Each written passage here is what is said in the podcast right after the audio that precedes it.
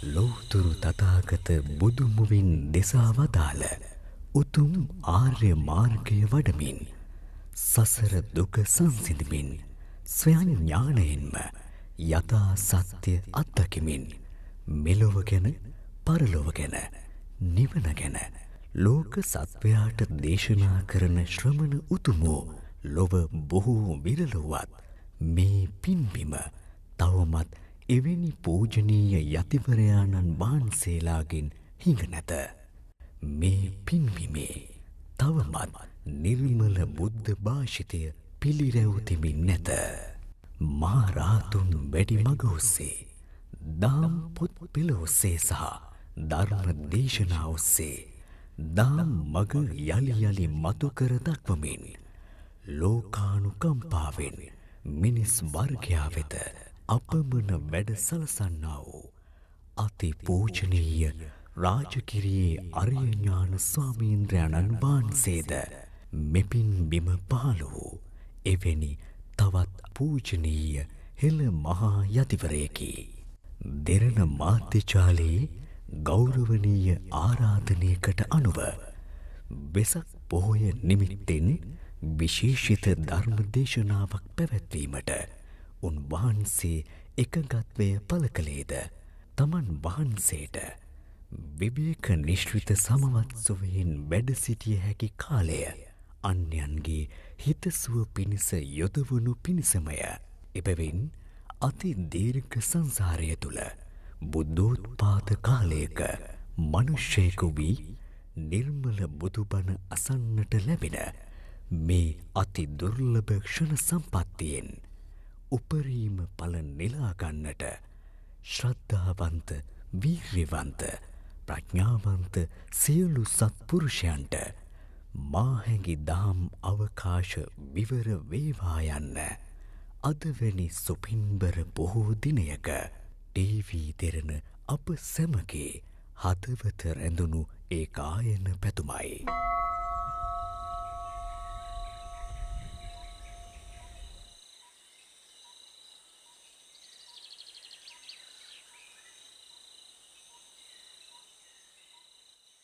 සාධකාරයක් දෙන්න. උතුම් වූ පංචසීලය සමාදන්වීම සඳහා ශබ්ද නගල නමස්කාරය කියන්න. බුද්ධං සරනංගච්ඡාමි දම්මං සරනංගච්ඡාමි සංගං සරනංගච්ඡාමි දුතියම්පි බුද්ධං සරනංගච්ඡාමි දුතියම්පි දම්මං සරනංගච්ඡාමි දුතියම්පි සංගං සරනංගච්ඡාමි තතියම්පි බුද්ධං සරනංගච්ඡාමි තතියම්පි ධම්මං සරනංගච්ඡාමි තතියම්පි සංගං සරනංගච්ඡාමි තිසරණ ගමනං සම්පුන්නං පානාති පාතාවේරමනී සික්කා පෙදං සමාධයාමි අදින්නාදානාවේරමනී සික්කා පෙදං සමාධයාමි කාමේස මිච්චාචාරාවේරමනී සික්කා පෙදං සමාධයාමි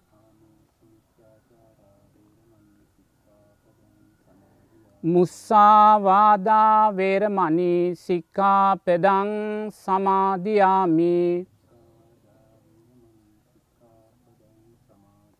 සුරාමේරය මජ්්‍ය පමාදට්ටානා වේරමනී සික්කා පෙදං සමාධයාමි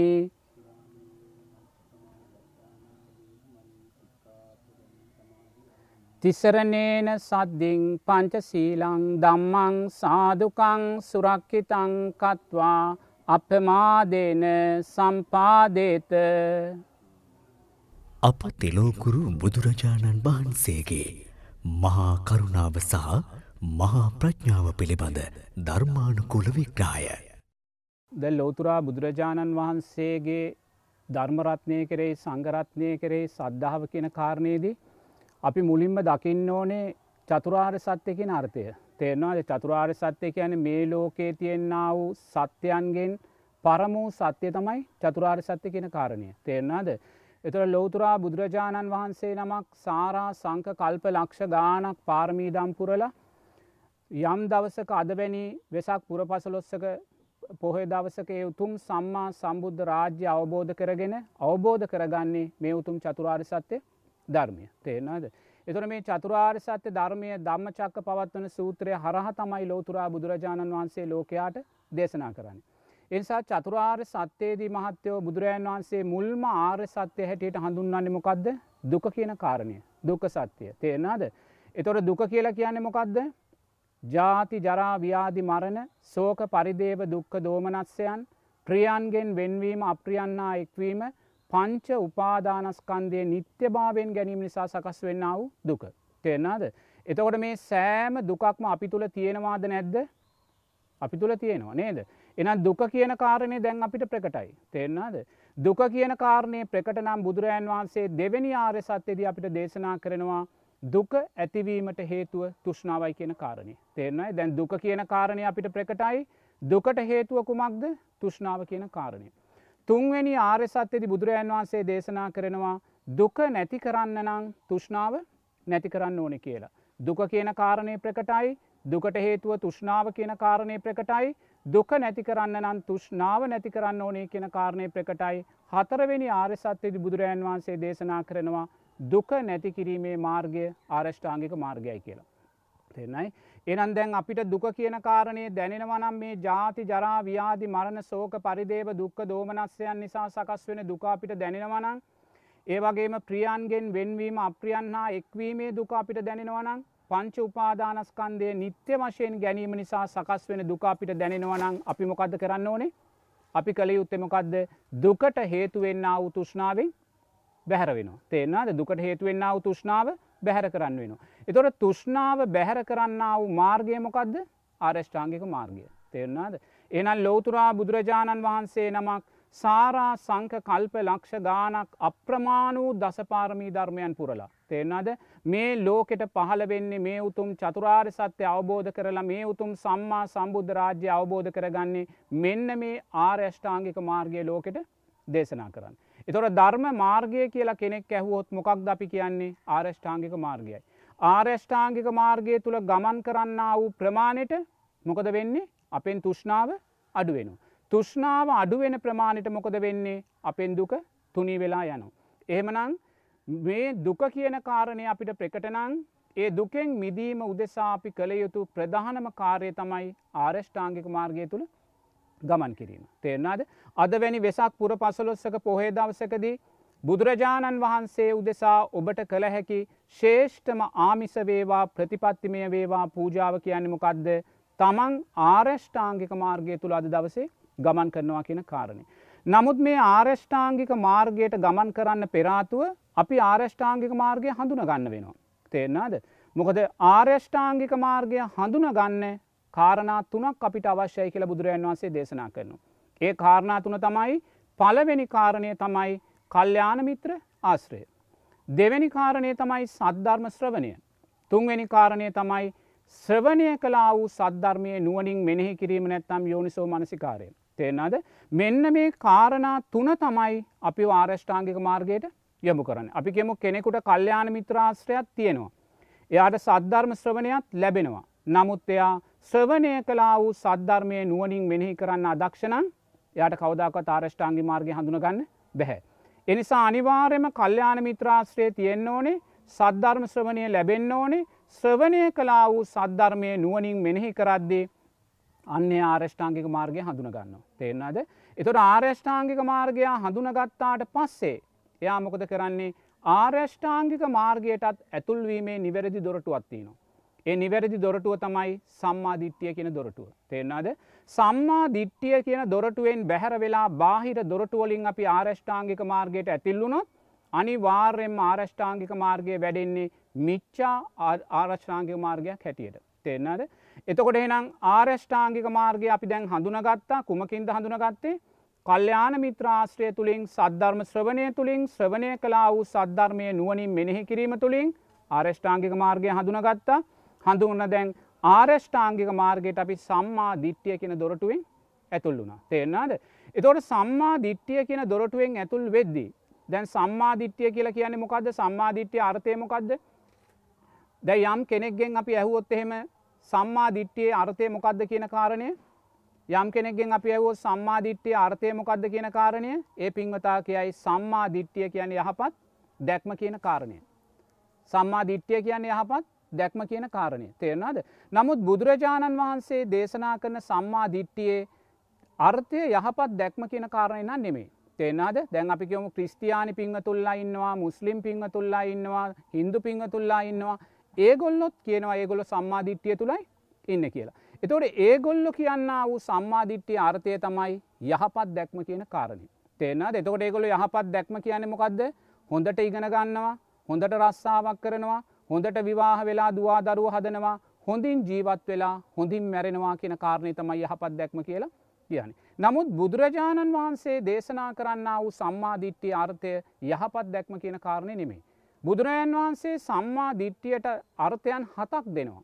පළවෙනි කාරණය තමයි තෙරුවන් කෙරෙයූ සද්ධාව. බුදුරජාණන් වහන්සේ ධර්මරත්නය සංගරත්නය කෙරෙයූ සද්ධහප පළවෙනි කාරණය.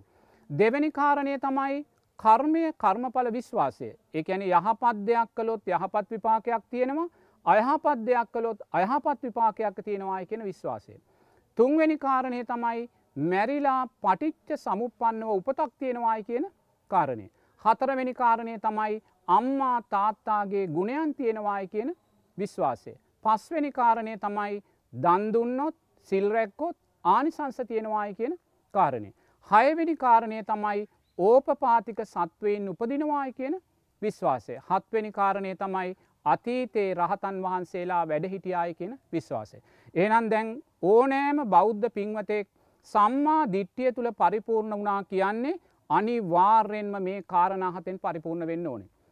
දැන් සමහර පිංහතුල්ලා ඉන්නවා ඒගොල්ල ඇවිල්ල කියෙන ස්වාමීන් වහන්ස මන් දවසට පෑ හතරක් භාවනා කරනවා කියලා. දවසට පෑ හතරක් භාවනා කරනවා. නමුත් ඒ අය විද්‍යාව පැත්ත හදාරණ පිංහතුල්ලා ඒගොල්ල ඕපපාතික සත්වයෙන් උපදිනවායි කෙන විශ්වාසයක් ඒගොල්ලන්ට නැහැ සම්මාධිට්්‍යය සකස් වෙලාද සම්මාධිට්්‍යය සකස් වෙලා නැහැ.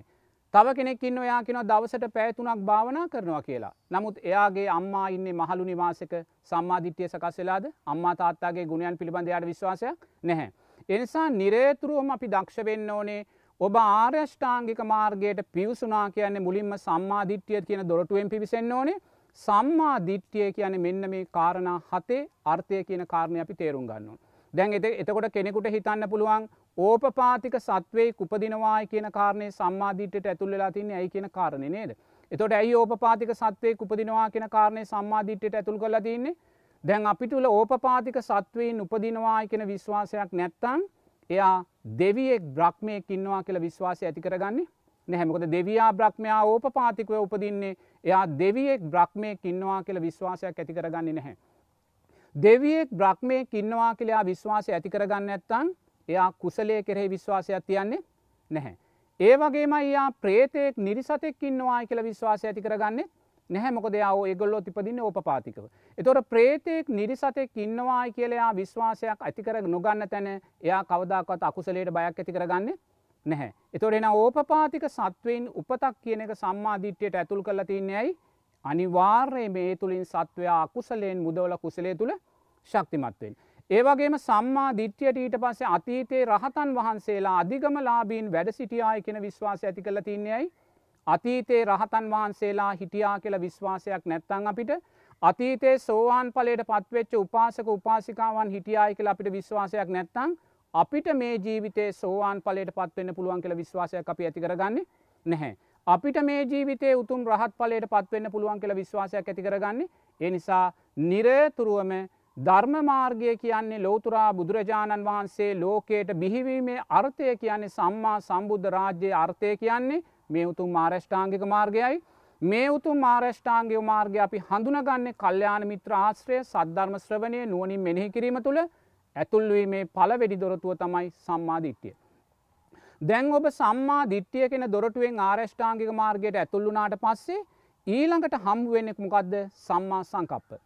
සම්මා සංකප්ප කියන මොකක්ද අවිහිංසා සංකප්ප අව්‍යාපාද සංකප්ප නෙක්කම සංකප්පය. අවිහිංසා සංකප්පය කියන්නේ මොකක්ද එයා වචනකින්වත් ඉරියව්වකින්වත් කාටවත් හිංසා කරන්නේ නැහැ. තේරනාද ඉරියව්වකින්වත් එයා හිංසාවක් කරන්න යන්නේ නෑ. ඒ වගේ මෙයා කෙනෙක්කු දෙසා කේන්තිය දවේශය වෛරය ඇති කරගන්නේ නැහැ. දැන් ඇයියා කාටවත් හිංසා කරන්න ඇත්තේ ඇයියා දවේශය ඇති කරගන්න ඇත්තේයි සම්මාධිට්ටියෙන් පරිපූර්ණයි. මොකද සම්මා දිට්ටියෙන් පරිපූර්ණ වෙච්ච තැනයාට කර්මය කර්මඵල විශ්වාසය ඇති වෙලා. මැරිලා හේතුඵල ධර්මයන් අනු උපතක් තියෙනවා වැරදි කළොත් ඒ උපත දුර්වල වෙනවා එකෙන විශ්වාසය ඇති වෙලා එනිසයා කවදක්වත් කාටවත් හිංසා කරන්න කාටවත් දවේශ කරන්න යන්නේ නැහැ. නෙක්කම්ම සංකප්පය කියලා කියන්නේ සම්මා සංකප්පයන්ගේ නෙක්කම්මය මුණා දෙයක් කරන අතහරිනවා. නෙක්කම්මය කියන්නේ අතහරිනවා. මොකක්ද අතහරින්නයා ලෝබ දවේශ මෝහයන් අතඇරලා අලෝභ අදවේශ අමෝහයන් තුළට එනවා. එතොට දැම් මේ සම්මා සංකප්ප වැඩුණේ කුමක් නිසාද සම්මාධිට්ටියේ පරිපූර්ණ භාවය නිසා. සම්මා දිට්ටිය දුර්ුවල වෙන තාක්කල් සම්මා සංකප්පයන් වැඩෙන්නේ නැහැ හේතු පල ධර්මයක් තේරනාද දැන්යා සම්මා සංකප්ප වැඩුනාට පස්සේ එයා තුළ වැඩෙන මොකක්ද. සම්මා වාචා සම්මා කම්මන්තෝ සම්මා ආජීවෝ කියන මේ සීලයට අදාළ අංගතුනම වැඩෙනවා. එතොට සම්මා වාචා කියන්න මොකක්ද මුසාවාදා පිසුනාවාචා පරුසාවාචා සම්පප්පලාපා කියන වචනයෙන් වෙන්න වූ වැරදිවලින්ය වැලකෙනවා. එතවට සම්මා කම්මන්තෝ කියන්න මොකක්දයා සතුන් මැරීමෙන් සොරකම් කිරීමෙන් කාමේ වර්දව හැසිරීමෙන් වැලකෙනවා. එතවට සම්මා ආජීවෝ කියන වැරදි ආජීවයන්ටයා යන්න. මත්වතුර වෙළදං කරන්න යන්න මස්මාන්ස වෙළදං කරන්න යන්න වෙඩිබෙහෙත් තුවක්කු පතුරුවම් වෙළදං කරන්න යන්නේ නෑ. මේවැයින් සම්පූර්ණයම සත්ව සත්ව මේ සතුන් වෙළදාම වහල් වෙළදාමට යන්නේ නෑ එයා සම්මා ආජීවය තුළ ජීවත්වෙනවා.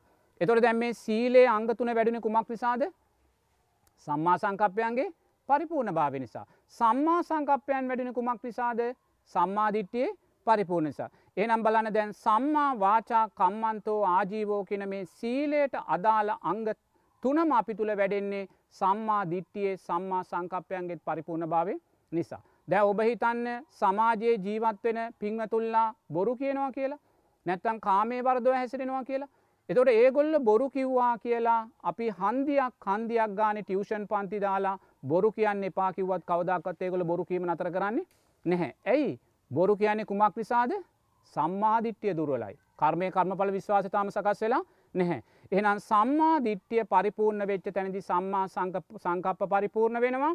සම්මා සංකප්ප පරිපූර්ණ වෙච්ච තැනදී සම්මා වාචා සම්මා කම්මන්තෝ සම්මා ආජීවෝ කියන සීලයට අදාළ අංග තුනම පරිපූර්ණ වෙනවා. දැන් එතකොට ආරෂ්ඨාංගික මාර්ගයේ මාර්ගංග පහක් වැඩිලා. මේ මාර්ගංග පහ වැඩෙන තැන මොකද සිද්ධ වෙන්නේ සම්මා වායාමෝ සකස් වෙනවා. එතොට සම්මා වායාමෝ කියන්නේ මොකක්ද කරන්න වූ කුසල් තව තව ශක්තිමත්ව කරනවා. නොකලා වූ කුසල් අලුතෙන් කරන්න පටන් ගන්න. කලා වූ අකුසල්ලයා කරන්නේ නෑ නොකලා වූ අකුසල්ලයා කොහොමත් කරන්න යන්නේ නැහැ. දැන් එතොට මේ සම්මා වායාමෝ වැඩුණ කුමක් නිසාද සම්මා දිට්ටිය ඉදන්ගේ මාර්ගංග පහ වැඩුව නිසාමයි. තේරනාද. එතකොට සම්මා දිට්ටි සම්මා සංකප්ප සම්මා වාචා කම්මන්තෝ ආජීවෝ දුර්වලනං කවදක්ව සම්මා වායාමයක් සකස් වෙන්නේ නැහැ. හේතු පලධර්මය කාරෂ්ඨාංගික මාර්ගගේ සෑම මාර්ගංගයක්ම වැඩෙන්නේ එකක් වැඩීම නිසා සකස් වෙන්න වූ පලයක් හැටියටමයි.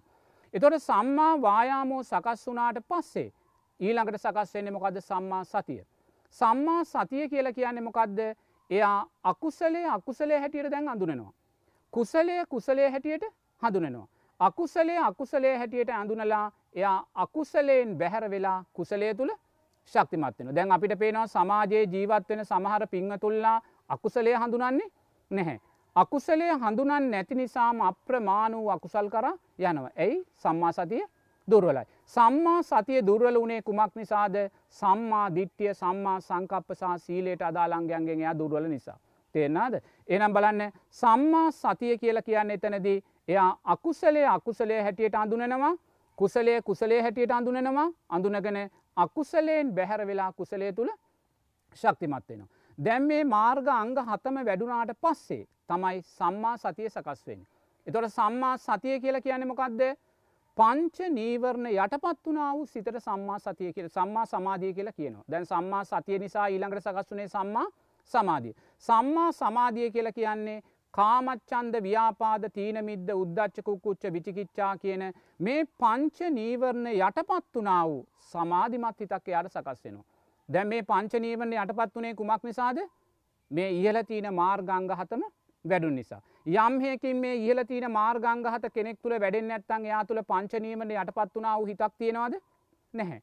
එතොට කෙනෙක් කියනවනන් සාමීන් වහන්සේ අපි කොච්චර භාවනා කරන්න ගියත් අපේ හිත විසිරෙනවා විසිරෙනවා විසිරෙනවා කියලා ඇයි ඒ හිත විසිරෙන්නේ. ආර්ෂ්ඨාංගික මාර්ගගේ මුල් මාර්ගංග හතෙන් එයා පරිපූර්ණ නැහැ. එතකොට හිත විසිරෙනවා නං එයා හිත දිහැන මේ බලන්න ඕනේ භාවනාව දිහැන මේ බලන්න ඕනේ ආර්ෂ්ඨාංගික මාර්ගගේ මුල් මාර්ගංග හත තමා තුළ වැඩෙනවාද කියන කාරණය. මුල් මාර්ගහංගහත දුර්වල වෙන්න දුර්වල වෙන්න එයා සම්මා සමාධිය බැහැරට යනවා කියන නිරේතුරුව පංච නීවරණ සකස් වුනා වූ විසිරුණු හිතක් තමයියාට තියෙන්. එතොට දැම් බලන්න සම්මා සමාධිය කියන කාරණය සකස් වනේ කුමක් නිසාද සම්මා සතිය නිසා. සම්මා සතිය සකස් වනේ කුමක් නිසාද සම්මා වායාමෝ නිසා. සම්මා වායාමෝ සකස් වනේ කුමක් නිසාද සම්මා වාචා සම්මා කම්මන්තෝ සම්මා ආජීවෝ නිසා. සම්මා වාචා සකස් වනේ කුමක් නිසාද සම්මා කම්මන්තෝ නිසා සම්මා කම්මන්තයන් සකස් වනේ සම්මාධිට්්‍යය නිසාමයි.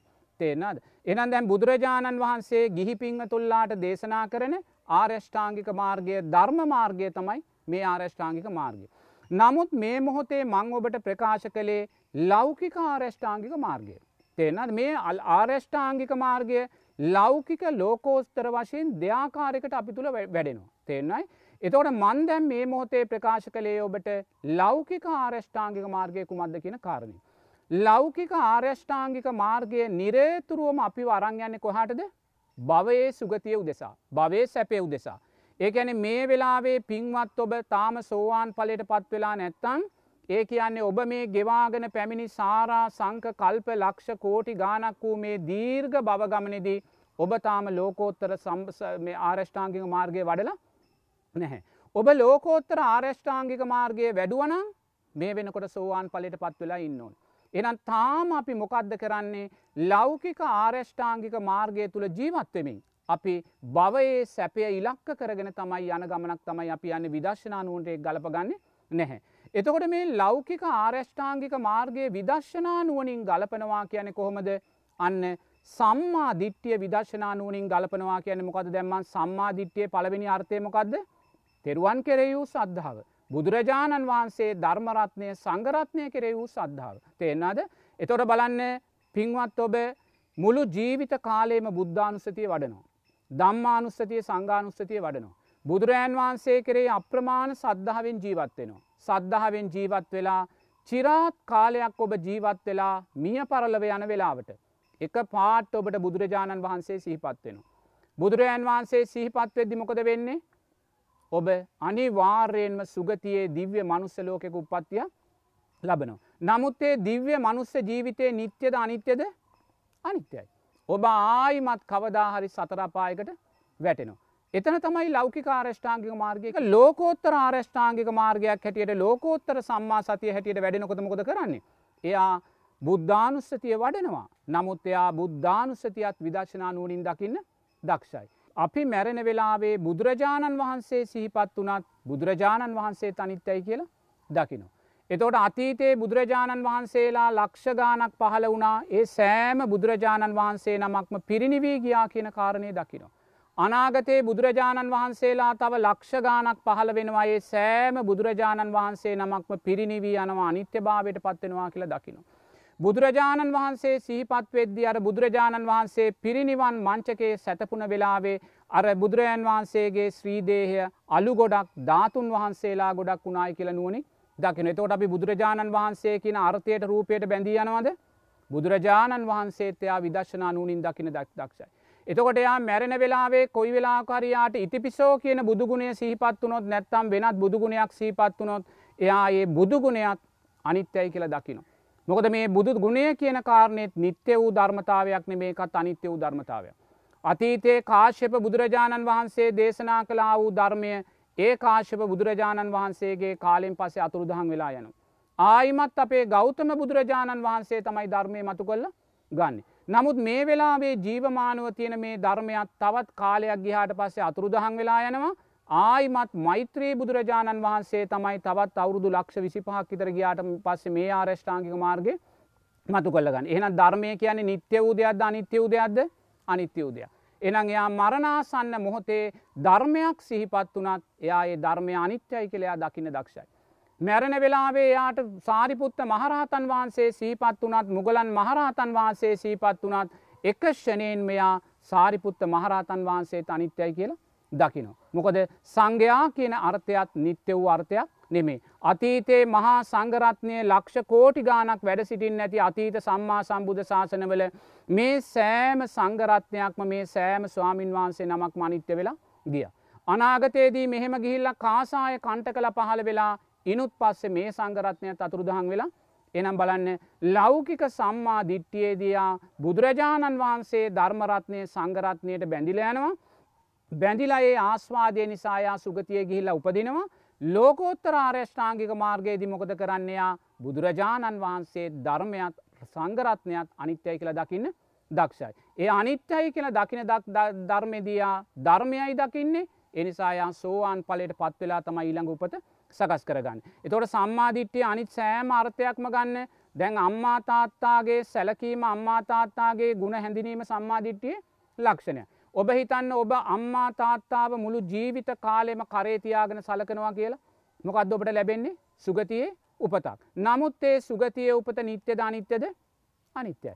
එනම් අම්මා තාත්තාට සලකනම සලකමින් මේ සංස්කාරයන්ගේ අනිත්‍ය භාවය දකිනවා. ඒවගේ නිරේතුරුවම මේ සෑම සංස්කාරයකම අනිත්‍ය භාවය දකින තැන අන්න ලෞකික සම්මාධිට්්‍යය ලෝකෝත්තර සම්මාධිට්‍යයක් බවට පත්වෙන. එතොට බලන් දැන් සම්මාවාචා කම්මන්තෝ ආජීවෝ කියන කාරණා ගන්න දැන් මහත්තයා කොච්චර නම් සීලය තුළ පරිපූර්ණ වෙලා ජීවත් වනත් පිංහතුල්ලාට සීලේ පරිපූර්ණ භාවය නිසා ලැබෙන මොකක්ද අපේ කීර්තිරාවේ පැතිරෙනවා. අපි ඕනෑම සභාවකට ඉදිරියට නොබියව යනවා. ඒවගේම සිහිමුලා නොවී මැරෙනවා අපි සුගතියේ ඉපදෙන මේ තමයි සීලයෙන් ලැබෙන ආනිසංස. නමුත් මේ සීලයෙන් ලැබෙන ආනිසංස නිත්‍යද අනිත්‍යද අනිත්‍යයි. තේනත් එතවට මේ අපි මැරෙන වෙලාවේ අපිට එක පාට අපි සමාදන් වුණා වූ සීලය පිළිබඳ මතකයක්කාවත් අපි එක පාටේ සංස්කාරයෙන් අනිත්‍යයි කියලා දකිනු. අපිට සුගතිය සිහිපත් වනත් එක පාටේ සුගතිය අනිත්‍යයි කියලා දකිනවා. දකින වෙලාවේ අන්න ලෝකෝත්තර සම්මාවාචා සම්මාකම්මන්තෝ ආජීවයන්ට අපි යනු.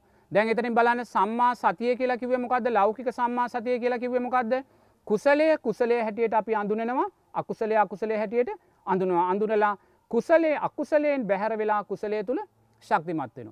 නමුත් ලෝකෝත්තර සම්මා සතිය කියන මොකක්ද. එයා දුකදේ දුක හැටියට අඳුනනවා. අසුබදේ අසුභ හැටියට අඳුනෙනවා. අනාත්මදේ අනාත්ම හැටියට අඳුනෙනවා එයා මේ අසුබදේ අසුබ හැටියට අඳිනවා මේවා යථාර්ථය හඳුන ගන්න. තේෙනද. එතෝට ලෞකික සම්මා සතියද අපි ඒක හඳුනන්නේ නැහැ. දැන් ඔබලා යමක් ගෙනල්ල මට පූජා කලා කියන්නකෝ පූජා කලාට පස්සේ ඔබලා මොකද කරන්නේ ඒ පූජා කිරීම තුළින් ක්‍රැස්වෙන්න වූ කුසලේ අනුමෝදං වෙලා දිව්‍ය නැත්තම් මනුස්ස සැපය බලාපොරොත්තු. නමුත් ඒ දිව්‍ය මනුස්ස සැපේ සංස්කාරය නිත්‍යද අනිත්‍යද.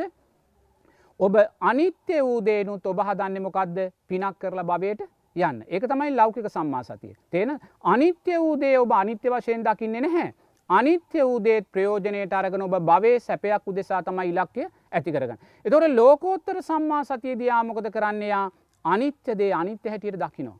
දුකදේ දුක හැටියට දකිනවා. අනාත්මදේ අනාත්ම හැටියට දකිනවා අසුභදේ ආසුභ හැටියට දකින. එතොට ඉන් පස්සේ මොකද සම්මා සතිය ලෝකෝත්තර සම්මා සමාධයක් බවට අපි පත් කරද්දි මොකද කරන්නේ ලෝකෝත්තර සම්මා සමාධයේදී අපි සකස් කරගන්නා වූ පංච නීවරණ යටපත් වනා වූ ධ්‍යානගත හිතත් අපි අනිත්‍යයි කියලා දකිනවා. දැන් ඔබ හිතන්න ඔබ ධ්‍යානගත හිතක් සකස් කරගත්ත කියලා පලවෙනි දෙවනි තුන්වෙනි හතරවෙනි ධ්‍යානතලවලට ඔබ කවදාහරි මැරෙන වෙලාවට ඔබ එක පාට ඔබේ හිත පලවෙනි ධ්‍යානයට ඇතිකරගත්තොත් මොකක්ද වෙන්නේ. ඔබ මැරිලා ගිහිල්ලා පලවෙනි ධ්‍යානයට අදාලූ රූපාවචර බ්‍රහ්මතලයක උපත්තිය ලබනවා. ඒ රූපාවචර බ්‍රහ්මතලය නිත්‍යද අනිත්‍යද අනිත්‍යයි. එතනින් මොකද කරන්නේ ලෝකෝත්තර සම්මා සමාධිය සකස් කරගන්න කෙනා ධ්‍යානගත හිතක් සකස් කරගෙන ඒ ධ්‍යානගත හිතත් අනිත්‍යයි කියෙන කාරණය දකිනෝ. තේන දෙයායේ ධ්‍යානගත හිතත් විදර්ශනා නූනින් දකින්න දක්ෂයි. එනිසා නිරේතුරුවම දැම් මේ ආර්ෂ්ඨාංගික මාර්ගය හඳුනගන්න මේ ලෝකයේ පරම වූ සත්‍යය කියන කාරණය මොකක්ද චතුරාර් සත්‍යයයි ඒ චතුරාර් සත්‍යදි බුදුරජන් වහන්සේ දුක නැති කිරීම උදෙසා දේශනා කරන තුෂ්නාව ප්‍රහීන කිරීම උදෙසා දේශනා කන මාර්ගය ආරෂ්ඨාංගික මාර්ගය එනිසා මුලින් ඔබ ලෞකික ආරෂ්ඨාංගික මාර්ගය තුළ ශක්තිමත්වෙන්. ලෞකික ආරෂ්ඨාංගික මාර්ගය තුළ ශක්තිමත් වෙලා ඊළඟට ඔබ ලෞකික ආර්ෂ්ඨාංගික මාර්ගය විදර්ශනානුවනින් දැකලා ලෝකෝත්තර ආරෂ්ඨාංගික මාර්ගය සකස් කරගන්න ලෝකෝත්තර ආර්යෂ්ඨාංගික මාර්ගයයි අපිට මාර්ග පලපිමි පිණිස හේතුවෙන්. දැන් ඔබ බලාපොරොත්වෙන්නේ මේ ජීවිතේ මේ සතරාපායෙන් මිදිලවුතුම් සෝවාන් පලේ සාක්ෂාත් කරගන්න නම් අනිවාර්යෙන් මොබ ලෝකෝත්තර ආරෂ්ඨාංගික මාර්ගය වඩන්න වෙන. එමනතු ලෞකික ආරෂ්ඨාංගික මාර්ගය තුළ වැඩීම තුළ අපිට කවදක්වත් නිවන් පිණිස හේතුවෙන්නේ නෑ භවය සැපය පිණිසයි හේතුවෙන්. එනිසා මේ උතුම් වෙසක් පොහේ දවසේ ඔබ දක්ෂ වෙන්න ඔබ මේ දක්වා වඩන්නා වූ මේ ලෞකික ආරෂ්ඨාංගික මාර්ගයේ අර්ථයන් විදර්ශනානුවනින් දැකලා ලෝකෝත්තර ආරෂ්ඨාංගික මාර්ගයක් බවට පත්කරගෙන මේ ජීවිතයේදීම මේ සතරාපාය කියන දුකෙන් මිදිලා උතුම් වූ සෝවාන් පලය කියන කාරණය සාක්ෂාත් කරගන්න. එනිසා මේ අදවැනි මේ උතුම් පුර පසලොස්සක වෙසක් පසලොස්සක පොහේ දවසක ලෝතුරා බුදුරජාණන් වහන්සේගේ උතුම් වූ තෙමගුල සිද්ධ වෙච්ච දවසේ ඔබ දක්ෂ වෙන්න. ඔබ මෙතෙක් කාලයක් වැඩුවා වූ මේ ලෞකික ආර්යෂ්ඨාංගික මාර්ගය අනිවාර්යෙන්ම ලෝකෝත්තර ආර්යෂ්ඨාංගික මාර්ගයක් බවට පත් කරගන එකැන ලෞකික ආර්යෂ්ඨාංගික මාර්ගය තුළින් ඔබ ලබන්නා වූ සෑම සංස්කාරයක්ම විදර්ශනානුවනින් දැකලා ලෝකෝත්තර ආර්යෂ්ඨාංගික මාර්ගයට ප්‍රවිෂ්ට වෙන්න ලෝකෝත්තර ආර්යෂ්ඨාංගික මාර්ගයයි ඔබව මුලින්ම මේ සතර අපා දුකින් මුද වෙලා ඔබව අනිවාර්යම උතුම් සෝවාන් පලට සාක්ෂාත් කොට දෙන්නේ. පංච උපාදානස්කන්දය අනිත්‍ය වශයෙන් දැකීම. දැන් අපි කවදාහරි මේ අපි පිංහතුල්ලා මේ ධර්ම මාර්ගය තුළ ගමන් කරලා අපි මුලින්ම බලාපොරොත්තුවෙන්නේ උතුම් වූ සෝවාන් පලයට පත්වෙන්න. තේරවාද සෝවාන් පලයට පත්වෙච්ච තැනයි අපි සතරාපායි මිදුනායි කියලා කියන්නේ. සෝවාන් පලයට පත් නොවෙන තාක්කල් අපි මේ භයානකූ සතරාපායෙන් අපි මිදිලා නැහැ. එනිසා සතරාපායෙන් මිදීමු දෙසා සෝවාන් පලයට පත්වෙනවා කියන්නේ එයා මොකක්ද දකින්නේ පංච උපාදානස්කන්දය අනිත්‍යයි කියලයා දකින්න වෙන. තේරනාද පංච උපාදානස්කන්දය අනිත්‍යයි කියලා දකින කෙනා සෝවාන් පලට පත්වෙනවා. ඒ වගේම පංච උපාදානස්කන්දය අනිත්‍යයි කියලා අවබෝධ කරගන්න කෙනා උතුම් රහත් පලට පත්වෙනවා. තේරනාද එතොර දැන් එහෙනම් අවසානය අපි මේ ගමන ගිහිල්ලා මේ උතුම් සෝවාන් පලයට පත්වෙනවා කියන තැනදී පංච උපාදානස්කන්දය අනිත්‍යයි කියලා අපි දකින්න ඕනේ.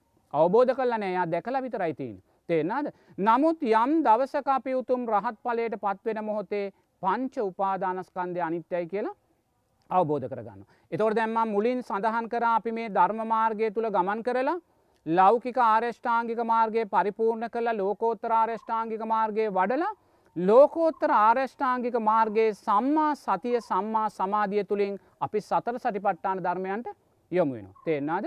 එතොට මේ සතර සටිපට්ටාන ධර්මයන්ට යොමුණනාට පස්සේ.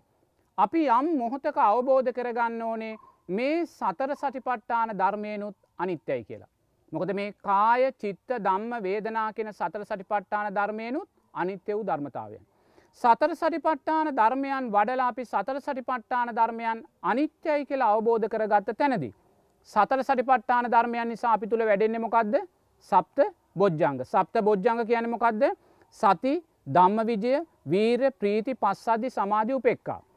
මෙන්න මේ සප්ත බොජ්ජංග වැඩෙන්නේ කුමක පලයක් හැටියටද ආරය සතර සටිපට්ටාන ධර්මයන් වැඩීමේ පලයක් හැටියට. එතෝට අපි යම් මොහොතක සතර සටිපට්ටාන ධර්මයනු තනිත්‍යය කියලා දකිනවා දැකලා මේ සතර සටිපට්ටාන ධර්මයන් නිසා වැඩෙන්න්න වූ සප්ත බොජ්ජන්ගේනු තනිත්‍යයි කියලා දකිනවා. එතොට බලන්න සතර සටිපට්ටාන ධර්මයනු තනිත්‍යයි කියලා දැක්ක තැන සප්ත බොජ්ජන්ගේනු තනිත්‍යයි කියලා දැක්ක තැන අපි අවසානය අවබෝධ කරලා තිනමොකක්ද. පංච උපාදානස්කන්දය අනිත්‍යයි කියෙන කාරණය. මොකද මේ සතර සටිපට්ටාන ධර්මයනුත් සප්ත බොජ්ජන්ගේනුත් අපි තුළ වැඩුනේ මේ රූපය ඇසුරු කරගෙන පංචුපාදානස්කන්දයක් හැටියටමයි.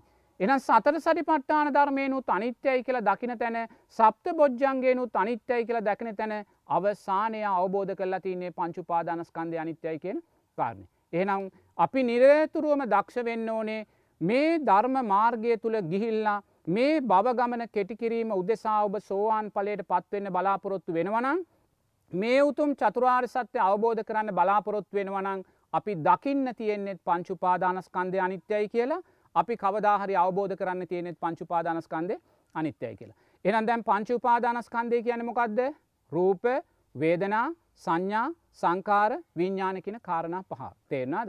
එනිසා මේ කාරණා පහට තමයි බුදුරජන් වන්සේ ලෝකය කියලා කියන්නේ. තේන බුදුරජන් වන්සේ ලෝකය හැටියට මේ අපිට මේ අවට පේන ස්භාවික ලෝකය පනවන්නේ නැහැ. බුදුරජන් වහන්සේ ලෝකය කියලා කියන්නේ මෙන්න මේ පංචුපාදානස්කන්දයට. සත්වයා බැඳුනොත් බැඳෙන්න මෙන්න මේ කාරණා පහටයි සත්වයා නිදහස් වුනොත් නිදහස් වෙන්නේ මේ කාරණා පහින් කියලයි බුදුරජන් වහන්සේ දේශනා කරන්න. එනිසා නිරේතුරුව බුදු අපි මොකක්ද කරන්නේ මේ කාරණා පහ නිත්‍ය වශයෙන් අපේ ජීවිතයට එකතු කරගන්න. නිරේතුරුව වෙනස් වෙන ධර්මතාවයක් නිත්‍ය වශයෙන් අපේ ජීවිතයට එකතු කර ගැනීම නිසා අපි නිරේතුරුවම දුක තුළ ගමන් කරනවා කියලායි බුදුරජන් වහන්සේ දේශනා කරන්න. ඒ නිසා නිරේතුරුව පිංහතුල්ලා දක්ෂ වෙන්න එරමිනිිය ගොතාගෙන භාවනා කරන්න බැරි වුණත්. විවේකීව සයනේ වැත්‍රිලා ඉන්න වෙලාවක පුටුවක වාඩි වෙලා ඉන්න වෙලා හරි මෙන්න මේ පංච උපාදානස්කන්දය අනිත්‍ය භාවය දකිින්. මෙතැන්දි බුදුරජාන් වහන්සේ දේශනා කරනවා මේ පංච උපාදානස්කන්දය අතීත පංචුපාදානස්කන්දයක් හැටියට වර්තමාන පංචුපාදානස්කන්දයක් හැටියට අනාගත පංචුපාදානස්කන්දයක් හැටියට මේ තුන් කාලය හැටියට දකින්න කියලා. තේෙනද එතොට දැන් පංචුපාදානස්කන්දේ මුල්ම උපාදානස්කන්දය මොකක්ද රූපපාදානස්කන්දය. එතොට දැන් රූපය කියලා කියන මොකක්ද මේ ඇසත් ඇසට අරමුණු වෙන්න වූ සියල්ලත් රූප. මේ කනත් කනට අරමුණු වෙන්න වූ සියල්ලත් රූප. මේ නාසයත් මේ දිවත් මේ ශරීරයත් මේ මනසත් මේවාට අරමුණු වෙන්න වූ සියල්ලත් රූප. එනම් දැන් මේ රූපේ ස්භාවය කුමක්ද මේ රූපය කුමකින්ද සැදිල තියෙන්නේ සතර මහා ධාතුවකි. මේ ඇස සැදිලා තියෙන්නේ සතර මහා ධාතුවෙන් මේ ඇසට අරමුණු වෙන්න වූ සෑම රූපයක්ම හැදිලා තියෙන්නේ සතර මහා ධාතුවකි. එනම් සතර මහාධාතුවේ ස්භාවය නිත්‍යද අනිත්‍යද අනිත්‍යයි. තේෙන්නාද. එනිසා නිරේතුරුවම මෙන්න මේ රූපයේ අනිත්‍ය භාවය දකින්න. තේෙන්නාද මේ රූපයේ අනිත්‍ය භාවය දකිද්‍ය ඔබ අතීත රූපස්කන්දයට හිතයොමු කරන්න. ඔබ අතීත රූපස්කන්දයට ඔබ හිත හිතයොමු කරද්දී ඔබේ හිත පිහිටන්න ඕනේ ඔබේ අම්මාගේ මවකුසේ. ඔබේ අම්මාගේ මවකුසේ ගර්භාෂ කුටියේ කලල රූපයක් හැටියට ඔබ වැඩුණ මොහොතේ පටන් ඒ ගර්භාෂ කුටියේ මාසයක් දෙකක් තුනක් කතරක් පහක් හයක් නමය දක්වා ඒ රූපය විකාශනයහු ඇටිනුවනි දකිින්. ඔබ මේ ලෝකයට බිහිවෙන මොහොත මනසින් දකින්න ඔබේ ළමා කාලේ ඔබේ පාසල් කාලේ ඔබේ තරුණ කාලේ ඔබේ ජීවිතයේ මැදිවයස මේ මොහොත දක්වා ඔබේ රූපය නුවනින් දකිින්. එතොට මේ දකින්නා වූ රූපය නිත්‍යද අනිත්‍යද සම්පූර්ණයම අපිට අයිති නැති නිරේතුරුව වෙනස් වෙන ස්භාවයට යුත් රූපයක් තමයි අපි දකිින්. එහෙම මේ අතීත රූපස්කන්දය අනිත්‍යභාවය දැකලා මේ රූපය අතීතයෙන් වචයෙන් දැකලා ඊට පස්සේ බුදුරජන් වන්සේ කෙනවා ඊටත් ඇත අතීතයකට කියල මේ රූපස්කන්දය අනිත්‍ය භාවය දකින්න කිය. මොකද අපිට මේ ජීවිතේ මේ රූපයේ අනිත්‍ය භාවය දැකල විතරක් මේ ප්‍රශ්න විසඳගන්න බැහැ. මොකද බුදුරජන් වහන්සේ කෙනවා සාරා සංක කල්ප ලක්ෂ ගානක් ආවා වූ ගමනෙදී අපි අපිට ලැබුණා වූ රූපයන් මගේ කරගෙන අපේ කරගෙන හැදුනා වූ මහා කෙලෙස් කන්දක් අපේ පිටිපස්සේ තියෙනවා. එනිසා ඒ අතීත රූපස්කන්දයට හිතයොමු කරද්දී ඔබ අතීතයේ සක්‍රයා වෙලා ඉපදුන වෙලාවේ.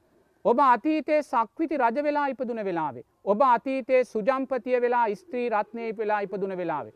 ඔබ අතීතයේ රජවරු සිටුවරු ඇමතිවරු වෙලා මැතිවරු වෙලා හිටපු වෙලාවේ. ඔබ සතර අපායන්ට වැටිලා නිරිසතුන් ප්‍රේතයින් තිරිසන් සතුන් වෙලා ඉපදුන වෙලාවේ ඒ තිබ්බා වූ සෑම රූපයක් නිත්‍යද අනිත්‍යද අනිත්‍යයි.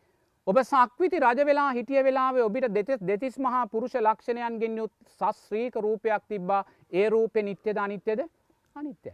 ඔබ සක්‍රයා වෙලා ඉපදුන වෙලාවේ ඔබට සස්්‍රීක දිව්‍ය ආලෝකෙන් දිව්‍ය ඕජාවෙන් පිරුණා වූ රූපයක් තිබ්බ ඒ රූපය නිත්‍යද අනිත්‍යද ඔබ සතරාපායේ ප්‍රේතෙක් නිරිසතෙක් තිරිසන් සතෙක් වෙලා ඉපදුන වෙලාවේ ඔබට තිබ්බා වූයේ සෑම රූපයක් නිත්‍යද අනිත්‍යද එනම් නිරේතුරුවම ඒ අතීත රූපස්කන්දේ අනිත්‍ය භාවය දකිින්. අතීත රූපස්කන්දේ අනිත්‍ය භාවය දකිද්දී ඇස් දෙක පියාගෙන ඔබ ඈත අතීතයට හිතයොමු කරලා ඔබ සක්‍රයා වෙලා සක්විති රජ වෙලා තිරිසන් ලෝකොල්ට වැටිලා දෙවියන් වෙලා මනුස්්‍යය වෙලා ඒ ඔබ ලැබවා වූ සෑම රූපයක් මනිත්‍යයි කියලනුවනි දකිනවා.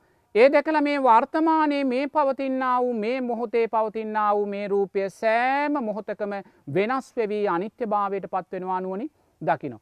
එනම් බලන්න ඔබ අතීත රූපස්කන්දය අනිත්‍යයි කළ දැක්කනං වර්තමාන මේ රූපස්කන්දයක් අනිත්‍යයි කළ ඔබ දැක්කනං ඔබ අනාගතයේ බලාපොරොත්තු වෙන රූපයක් තියෙනවා නං. මම අනාගතයේ දෙවියෙක් වෙනවා මම අනාගතයේ බ්‍රහ්මයෙක් වෙනවා මම අනාගතයේ සස්ත්‍රීක මනුස්සෙක් වෙනවා කියලා අනාගත රූපයක් කෙරෙයි ඔබේ බලාපොරොත්තු තියෙනවනං ඒ බලාපොරොත්තුව නිත්‍යවේද අනිත්‍යවේද අනිත්‍යයි. මොකද ඔබ සක්විති රජ වෙලා හිටපු වෙලාවෙත් ඒ රූපය අනිත්‍ය වෙලා ගියා. ඔබ සක්‍රයා වෙලා හිටපු වෙලාවෙත් ඒ රූපය අනිත්‍ය වෙලා ගියා. ඔබ තිරිසන් සතෙක් අලියෙක් කොටියෙක් වඳුරෙක් වෙලා හිටපු වෙලාවෙත් ඒ රූපයන් අනිත්‍ය වෙලා. එනම් ඔබ අනාගතයේ මේ ආකාරයෙන් රූපයක් පවතිී කියලා ඔබේ යම් බලාපොරොත්තුවක් තියෙනවනං ඒ බලාපොරොත්තුව නිත්‍යවේද අනිත්‍යවේද. එනම් නිරේතුරුවම තමන් මේ අතීත රූපස්කන්දය වර්තමාන අනාගත හැටියට මේ රූපස්කන්දය අනිත්‍ය භාවය දකින්න. ඔබේ රූපය අනිත්‍ය වශයෙන් දකිනවා වගේම මේ ඇසට අරමුණු වෙන්න වූ කනට අරමුණු වෙන්න වූ අනිත් සෑම රූපයක් මනිත්‍යයි කියෙන කාරණය දකින්න. දැන් එතකොට රූපය නිත්‍යද අනිත්‍යද අනිත්‍යයි. එතොට රූපය ඇසුරෙන් මොකක්ද සකස් වෙන්නේ. පස්සේ. පස්සේ කියන මොකක්ද කාරණා තුනක එකතුව. මොකද කාරණා තුන කියන්නේ අධ්‍යාත්මික රූපයත් බාහිර රූපයත් විඤ්ඥානයක් තුන එකතු වෙච්ච තැන පස්සේ. එතොට පස්සේ කියන්නේ මොකක්ද දැක්කා ඇසුනා දැනුනා කියන තැනදි. තේෙන්න්නද දැක්කා ඇසුනා දැනුනා කියන තැන තමයි පස්සේ කියන්න. දැන් අපි කවදාහරි උතුම් රහත් පලයට පත්වනොත් අපි ඒ රහතන් වහන්සේ යමක් දැක්කානං දැක්කා කියන තැන නවතිනවා. ඉ ඉස්රහට යන්නේ දැක්කදේ තුෂ්නාවෙන් තෙත් කරන්නේ නැහැ. යමක් ඇසුනනං ඇසුනා කියන තැන නවතිනවා ඇසුන දේ තුෂ්නාවෙන් තෙත් කරන්නේ නැහැ. සිතුවිල්ලක් දැනුනනං දැනුනා කියන තැන නැවතිනවා තුෂ්නාවෙන් තෙත් කිරීමක් නැහැ. ඉන් මෙහා අපි සෑම කෙනෙක්ම මොකොද කරන්නේ මේ පස්සය තුෂ්නාවෙන් තෙත් කරනවා. තේරනාද. එතොට පස්සේ කිවේ මොකක්ද දැක්කා ඇසුනා දැනුනා. තේරනාද. එනම් ඔබ හිතන්න ඔබ මේ ඇස් දෙකෙන් පුංචි කාලේ ඉඳං යම් රූපයක් දැක්කනම්.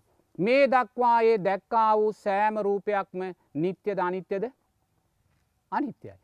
ඔබ පුංචි කාලේ ඉඳම් මේ කනෙන් යම් ශබ්දයක් ඇසුවනං ඒ ඇසුවා වූ ශබ්දය නිත්‍ය ධනිත්‍යද.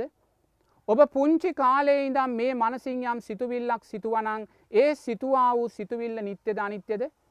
ඔබ අතීතයේ ඈත භවයට ගිහිල් ඔබ සක්විති රජවෙච්ච වෙලාවේ සක්‍රයා වෙච්ච වෙලාවේ ඒ ඇසුවා වූ ලස්සන මිහිරි වදන් නිත්‍ය වුණා ධනිත්‍ය වුණාද ඒ සෑම එනම් දැක්කා ඇසුනා දැනුනා වූදේ සෑම දෙයක් මනිත්‍ය භාවයට පත් වුණ.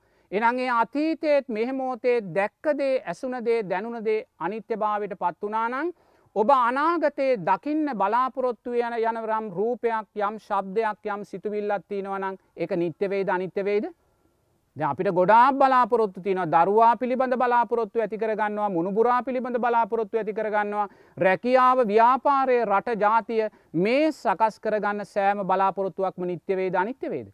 අනිත්‍යෙන් මොකද අතීතයේ ඇතිකරගත්තා වූ සෑම බලාපොරොත්තුවක්ම අනිත්‍ය භාවයට පත් වුණ. එනම් දැක්කා වූදේ ඇසුනා වූදේ දැනුනා වූදේ කෙන මේ පස්සේ නිත්‍යද අනිත්‍යද අනිත්‍යයි. තේරනාද දැන් එතොට පස්සේ නිසා සකස් වෙන මොකක්ද පස්ස පච්චයා වේදනා. විඳීම. විඳීම කියන මොකක්ද එක්කො සැපවේදනාවක් එක්ක දුක්වේදනාවක් එක්කෝ උපේක්ෂාසාගත වේදනාව එක තමයි විඳීම කියෙන විඳීම කියෙන කාරණත් තුනක්. එක්ක දුක්වේදනාවක් එක්කො සැපවේදනාවක් එක්ක උපේක්ෂාසාගත වේදනාව. එනම් ඔබ බලන්න ඔබ පුංචි කාලේ ඉඳං. යම් සැපවේදනාවක් කත්වින්දනං ඒ සැපවේදනාව නිත්‍ය ධනිත්‍යද ඔබේ අම්මා නිසා ඔබ අම්මා සුරතල් කරද්දි අම්මාගේ පියවරුණින් කිරිවුරා බොද්ධි අම්මාලක නැලවෙද්දි. ඔබ එදා යම් සැපවේදනාවක් ඇතිකරගත්තනගේ සැපවේදනාව නිත්‍යද අනිත්‍යද. ඔබ මොන්ඩිසෝරි පාසලට ළමා පාසලට යන වෙලාවේ ළමා පාසල තුළ දරුවන් සමග යම් සැපවේදනාවක් ඇතිකරගත්තනං ඒක නිත්‍යද අනිත්‍යද. ඔබ පාසල් ජීවිත කාලේ පුරාවට ඔබ යම් සැපවේදනාවක් ඇතිකරගත්තනගේ සැපවේදනාව නිත්‍යද අනිත්‍යද. ඔබ විවාහ වෙච්ච වෙලාව ඔබ රැකියාවට ගිය වෙලා ඔබ ව්‍යාපාරය පටන්ගත්ත වෙලාවේ යම් සැපවේදනාවක් ඔබ ඇතිකරගත්තනං එක නිත්‍ය ධනිත්‍යද එනගේ අතීතයේ සකස් වුනා වූ සෑම සැපවේදනාවක් මනිත්‍ය භාවයට පත් වුණ. ඔබ බලන්න ඔබ අතීතයේ සක්විති රජ වෙලා ඉපදුන වෙලාවේ සක්‍රයා වෙලා ඉපදුන වෙලාවේ කොයිසා සැපවේදනාවන් ඔබ අත්විඳින් නැද්ද. නමුත් ඒ සැපවේදනා නිත්‍යද අනිත්‍යද අනිත්‍ය වුණ. එනම් අතීතයේ වින්දා වූයේ සෑම සැපවේදනාවක් අනිත්‍ය වෙලා ගියානං ඔබ ඔබේ දරුවා නිසා රැකියාව නිසා ව්‍යාපාරය නිසා ඔබ අනාගතයේ බලාපොරොත්තු වෙන සැපවේදනාවන් නිත්‍යවේද අනිත්‍යවේද අනිත්‍යවේ. මොකද ඔබ සක්‍රයා වෙලා හිටපු වෙලාවේ වින්ද සැපවේදනාවත් අනිත්‍ය වෙලාගිය.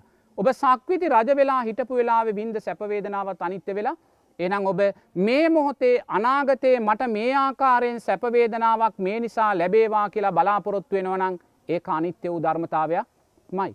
එනම් බලන්න ඔබ පුංචි කාලේ ඉඳම් මේ මොහොත දක්වා යම් දුක්වේදනාවක් උපේක්ෂාසාගත වේදනාවක් ඇතිකරගත්තනං ඒ දුක්වේදනාව උපේක්ෂාසාගත වේදනාව නිත්‍යද අනිත්‍යද අනිත්‍යයි. ඔබ අතීතයේ සංසාරයේ ආවා වූ ගමනෙදී කල්ප ගණන් ඔබ සතරාපායන්ට වැටල දුක්විඳල තියනවා. නිරයන්ට වැටිලා යෝධිය ගින්දරත් එක් ඔබ දුක්විඳල තියනවා. ප්‍රේත ලෝකවලට වැටිලා සෙම්සොටු කකා ඔබ දුක්විඳල තියනවා. තිරිසන් ලෝකවලට වැටිලා ඔබ දේශය වෛරය සමඟ දුක්විඳලා තියෙන. නමුත් මේ සෑම දුකක්ම නිත්‍ය ධනිත්‍යද අනිත්‍ය. ඒනම් ඔබ මේ මොහොතේ අත්විඳින්න වූ යම් දුකක් තියෙනවනං ඒ දුක නිත්‍යවේද අනිත්‍යවේද. එනම් බලන්න ඒ අපි බින්දා වූ සෑම සැපවේදනාවක්ම දුක්වේදනාවම උපේක්ෂාසාගත වේදනාවක්ම නිත්‍ය ධනිත්‍යද අනිත්‍යයි. තියෙන එනම් වේදනාව නිත්‍ය ධනිත්‍යද අනිත්‍යයි. ඔබ ඇසෙන් රූපයක් දකිනවා කනෙන් ශබ්දයක් අහනවා මනසින් සිතුවිල්ලක් හිතනවා දැක්කදේ ඇසුනදේ දැනුනදේට ඔබ ඇලෙනවා ගැටෙනවා උපේක්ෂාසාගත වෙනවා. ඇල්ලුන ගැටුණු උපේක්ෂාසාගත වෙච්චදේ ඔබමකොද කරන්නේ. හඳුනගන්න. හඳුනගන්නවා කියන මොකක්ද මේ මගේ අම්මා මේ මගේ තාත්තා මේ මගේ මල්ලි කියල ඔබ හඳුනගන්න. මනුස්්‍යයෝ සීයක් ඉන්න තැන ඔබේ අම්මා හිටියොත් මේ මගේ අම්මා කියල හඳුනගන්න. මේ රට මේ ජාතිය මේ ඉර මේ හඳ මේ ජපන් ජාතිකයෙක් මේ චීන ජාතිකයෙක් කියලා ඔබ හඳුනගන්න. එහනම් බලන්න ඔබ ඇසෙන් කනෙන් නාසයෙන් දිවෙන් ශරීරයෙන් මනසෙන් පුංචි කාලේ ඉඳම් මේ මොහොත දක්වා යම් රූපයක් හඳුනාගත්තනං ඒ හඳුනා ගැනීම නිත්‍ය ධනිත්‍යද වෙනස් වුනා. එනම් පුංචි කාලේ ඉඳං ඔබ හඳුනාගත්තා වූ සෑම රූපයක්ම අනිත්‍ය වෙලා ගියානං ඔබ අදින් පස්සේ බලාපොරොත්තු වෙනවන යම් හඳුනා ගැනීමක් කරන්නේ හඳුනා ගැනීම නිත්‍යවේ ධනිත්‍යවේද අනිත්‍ය වෙන. එන හඳුනා ගැනීම සංඥාව කියන කාරණය අනිත්‍යයි. දැන් අපි ඇසෙන් රූපයක් දැක්ක කනෙන් ශබ්දයක් ඇහුව මනසින් සිතුවිල්ලක් සිතුවා දැක්කදේ ඇසුනදේ දැනුනදේට අපි ඇලුනා ගැටුණා උපේක්ෂාසාගත වුණා ඇලුන්න ගැටුන උපේක්ෂාසාගත වෙච්චදේ අපි හඳුනගත්තා. හඳුනාගත්තා උදේට අපි මොකද කරන්නේ. හඳුනාගත්තා උදේ ගැන අපි හිතනවා. හිතනවා කියන මොකද සංස්කාර රැස්සෙනවා. එකන සංඥාපච්චයා සංස්කාර. සංස්කාර රැස්සෙනවා කියන මොකක්ද අපි සිතන සිතුවිල්ලක් පාසා නිරේතුරුවම අපි කුසල් හෝ අකුසල් සංස්කාරයක් රැස් කරමින් තමයි ඉන්න. එනම් බලන්න ඔබ පුංචි කාලේ ඉඳම් මේ මොහොත දක්වා යම් කුසල් අකුසල් සංස්කාරයක් රැස් කලානං ඒ සංස්කාර නිත්‍යද අනිත්‍යද විපාකදීල අවසන් වෙනවා. තේෙන්නාද. ඔබ සක්‍රයා වෙලා ඉපදුනේ කුසල් සංස්කාරයක් නිසා විපාකදීල අවසන් වනා ආයිමත් දුගතියට වැටුණ. ඔබ සක්විති රජ වෙලා ඉපදුනේ කුසල් විපාකයක් නිසා විපාක දුන්න අකුසල් කරලා ආයිමත් සතරපායට එනම් මේ රැස් කරන්න වූ සෑම සංස්කාරයක්ම නිත්‍යද අනිත්‍යද. එනම් ඔබ අනාගතයේ රැස්කිරීමට බලාපොරොත්තු වෙන්න වූ සෑම සංස්කාරයක්ම නිත්‍යවේද අනිත්‍යවේද අනිත්‍යවෙන. එනම් ඔබ ඇහෙන් රූපයක් දැක්ක කණෙන් ශබ්දයක් ඇහුව මනසින් සිතුවිල්ලක් සිතුවා දැක්කදේ ඇසුනදේ දැනුනදේ ඔබට ඇලුන ගැටුණ උපේක්ෂාසාගත වුණා ඇල්ලුන ගැටුන උපේක්ෂාසාගත වෙච්ච දේ ඔබ හඳුනගත්තා හඳුනාගත්තා වූ දේ ගැන ඔබ හිතුවා. හිතපු දේ ගැන ඔබ මොකද කරන්නේ විශේෂ වූ දැනීමක් ඇතිකර ගන සංස්කාරපච්චයා විඤ්ඥාන. විඤ්ඥානය කියන්නේ මොකක්ද විශේෂ වූ දැනීම්. එනම් ඔබ බලන්න ඔබ යමක් යමෙක් හඳුනගෙන. ඒ හඳුනාගත්තා වූ කෙනා ගැන හිතලා ඔබ විශේෂ වූ දැනීමක් ඇතිකර ගන්නවා මෙයා හොඳයි මෙයා නරකයි මෙයා සත්පුරුෂයි මෙයා අසත්පුරුෂයි කියලා. එනම් ඔබ යමෙක් හඳුනගෙන එයා ගැන හිතලා ඔබ විශේෂ වූ දැනීමක් කෙනෙක් ගැන ඇතිකර ගත්තනං ඒ දැනීම නිත්‍ය වුණාද අනිත්‍ය වුණාද. ඔබ ඊයේ හොඳයි කියලා හඳුනගත්ත දැනගත්ත කෙනා හෙට ඔබට නරක කෙනෙක් බවට පත්වෙන්න පුළුවන් තේනල් එනම් ඔබ හිතන්න ඔබ ආහාරයක් හඳුන ගන්නවා මේක පරිප්පු කියලා. මේක රසවිඳලා ඔබ විශේෂ වූ දැනීමක් ඇතිකර ගන්නවා මේක තිත්තයි මේක ඇඹුල් මේක නරක් වෙලා මේක පිරුන් වෙලා කියල. එමනගේ සකස් කරගත්තා වූ සෑම දැනීමක්ම නිත්‍යද අනිත්‍යද අනිත්‍යයි.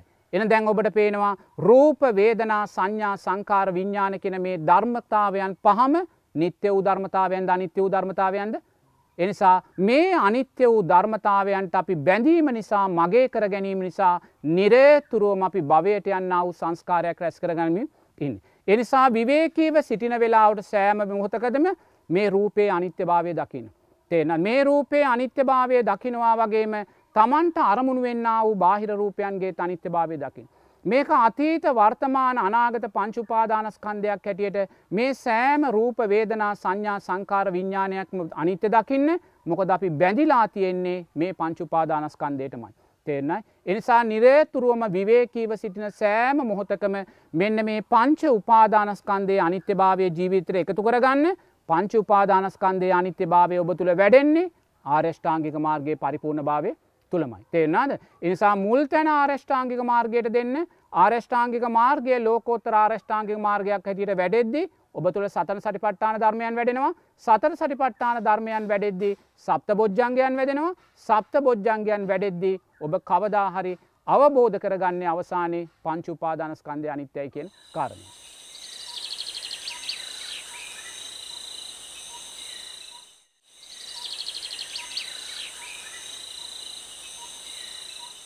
මාරයා යනු සංකල්පයක්ද එසේ නොමැතිනම් ජීවමාන චරිතයක්ද.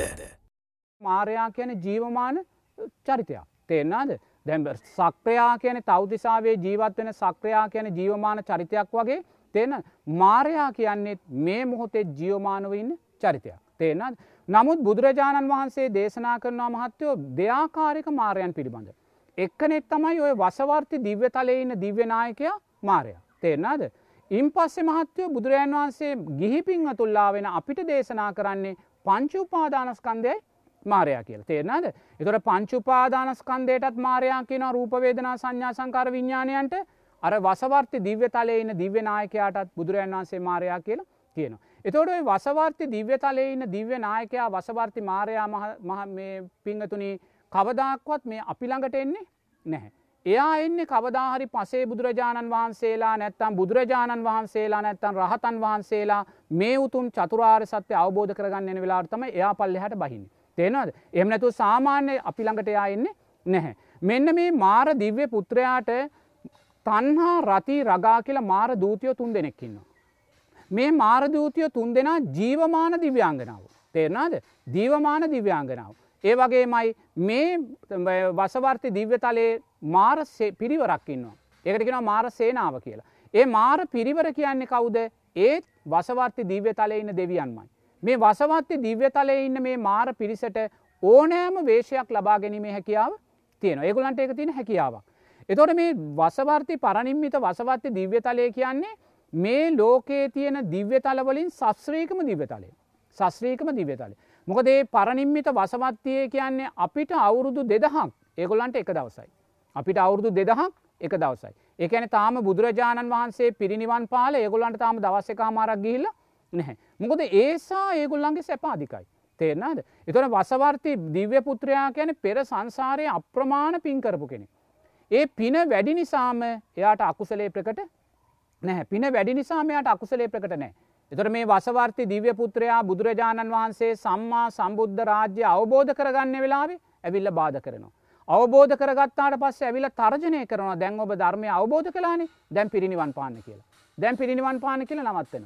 ඊට පස්සේ නිරේතුරුවම බුදුරජාණන් වහන්සේලාට මහරහතන් වහන්සේලාට නිරේතුරුවම මේ මාරය පීඩා කරන. තේරනාද. ඉතින් මෙහෙම පීඩා කරලා අවසානය ආයු සංස්කාරය අතහරින මොහොතෙත් බුදුරජන් වහන්සේට පීඩා කරන. නමුත් මේසා බුදුරජාණන් වහන්සේලාට පීඩා කරලා රහතන් වහන්සේලාට පීඩා කළත් මාරයාට ඒ අකුසල් ප්‍රකට වෙන්නේ නැහැ ඇයි අකුසල් ප්‍රකට වෙන්න ඇත්තේ. පින බලවත් තේන පිනේ බලවත් භාවය නිසාම එයාට අකුසලේ ප්‍රකට වෙන්නේ නැහැ. අකුසලේ ප්‍රකට නොවෙන නිසාම එයා තව තව තව තව බලවත් අකුසල් කරලා යම් දවසකයා පින පිරිහිච්ච වෙලාවට එයා කල්ප ගානක් සතරාපායට වැටෙනවා. ඒ කල්ප ගානක් එයාගේ සතරාපායේ දුක තිවරයි මොකද ඒසා බලවත් අකුසල් සිද්ධ කලා. එතෝට එනම් මාරයා කියන ජීවමාන චරිතයක් තේනත්. එතොටේ මාරයා කියන ජීවමාන චරිතය නිරේතුරුවම එක්ක බුදුරජාණන් වහන්සේලාට නැත්තන් රහතන් වහන්සේලාට නැත්තම් පසේ බුදුරජන් වහන්සේලාට තමයි පීඩා කරන්න එන්. එතෝටේ මාරයා නිරේතුරුවම එන්න පෙරාතුව එයා මුලින් මේ වන්න කවුද. එයාගේ මාර පිරිවර.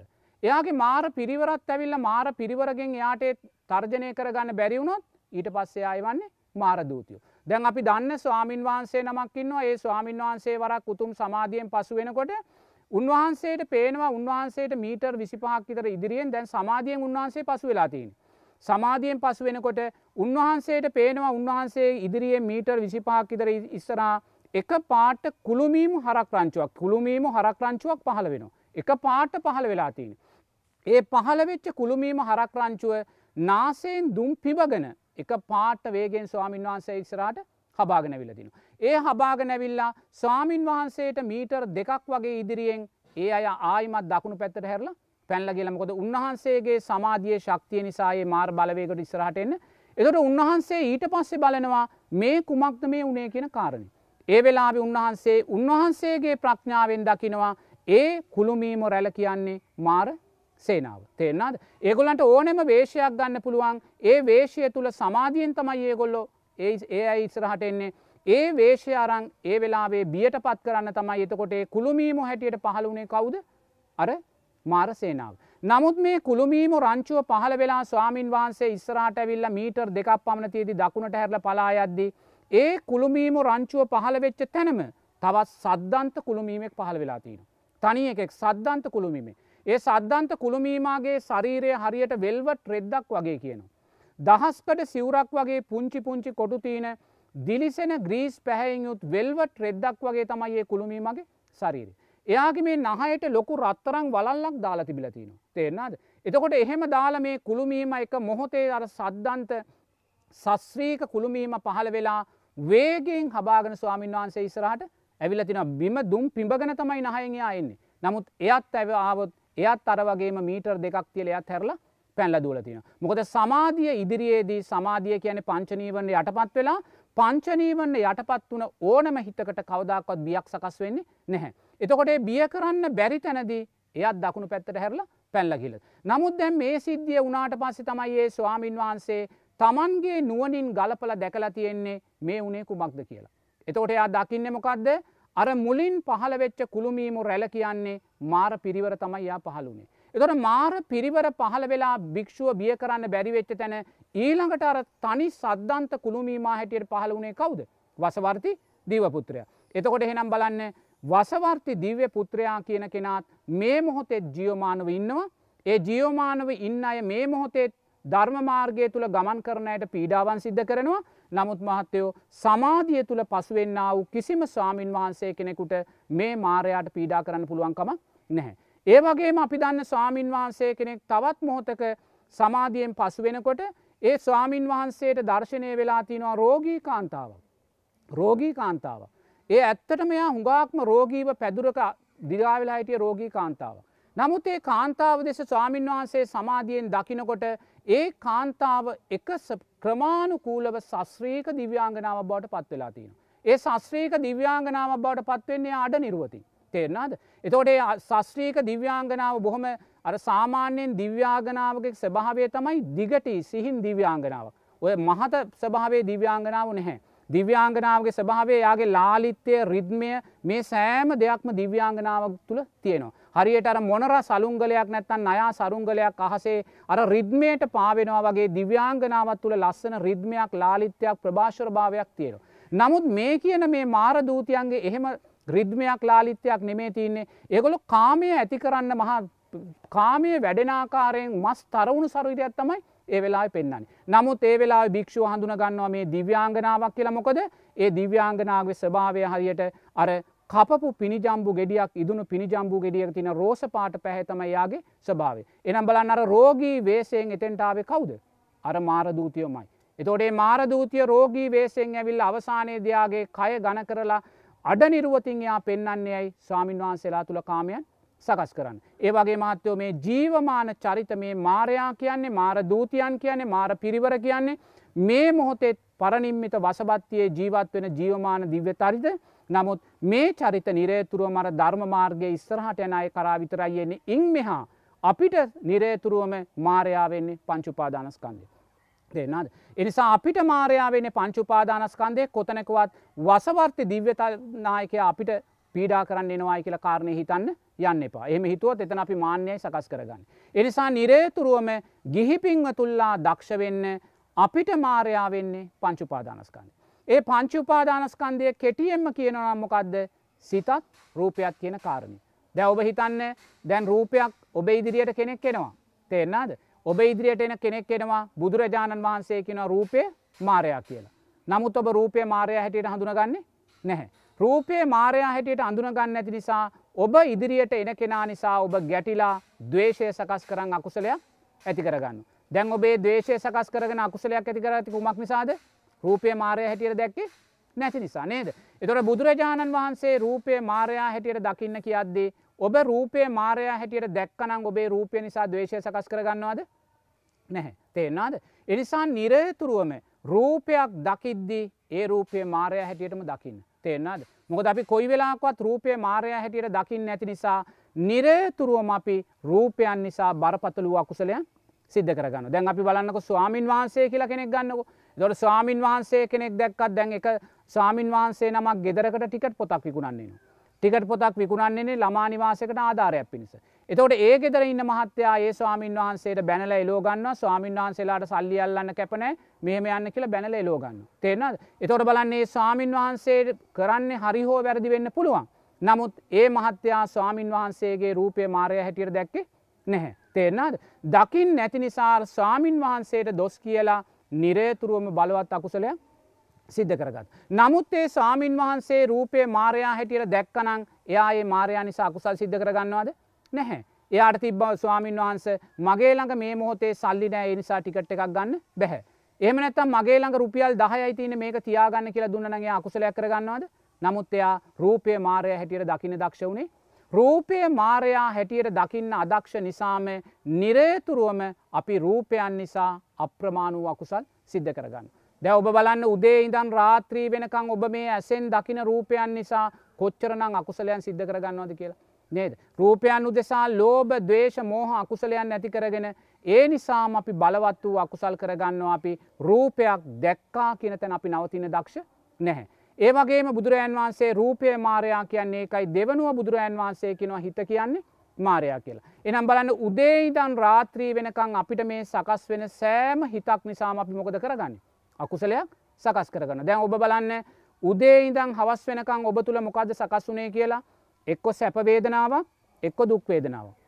ඔය දෙක තමයි අපි තුළ සකස් වෙන. එතොට සැපවේදනාවක් කියන මොකක්ද දැන් පින්වත් ඔබ තුළ සැපවේදනාවක් සකස් වෙනවා නගේ මොකක්ද ඔබ සංසාරය කලා වූ යහපත්දේක යහපත් විපාකයක්.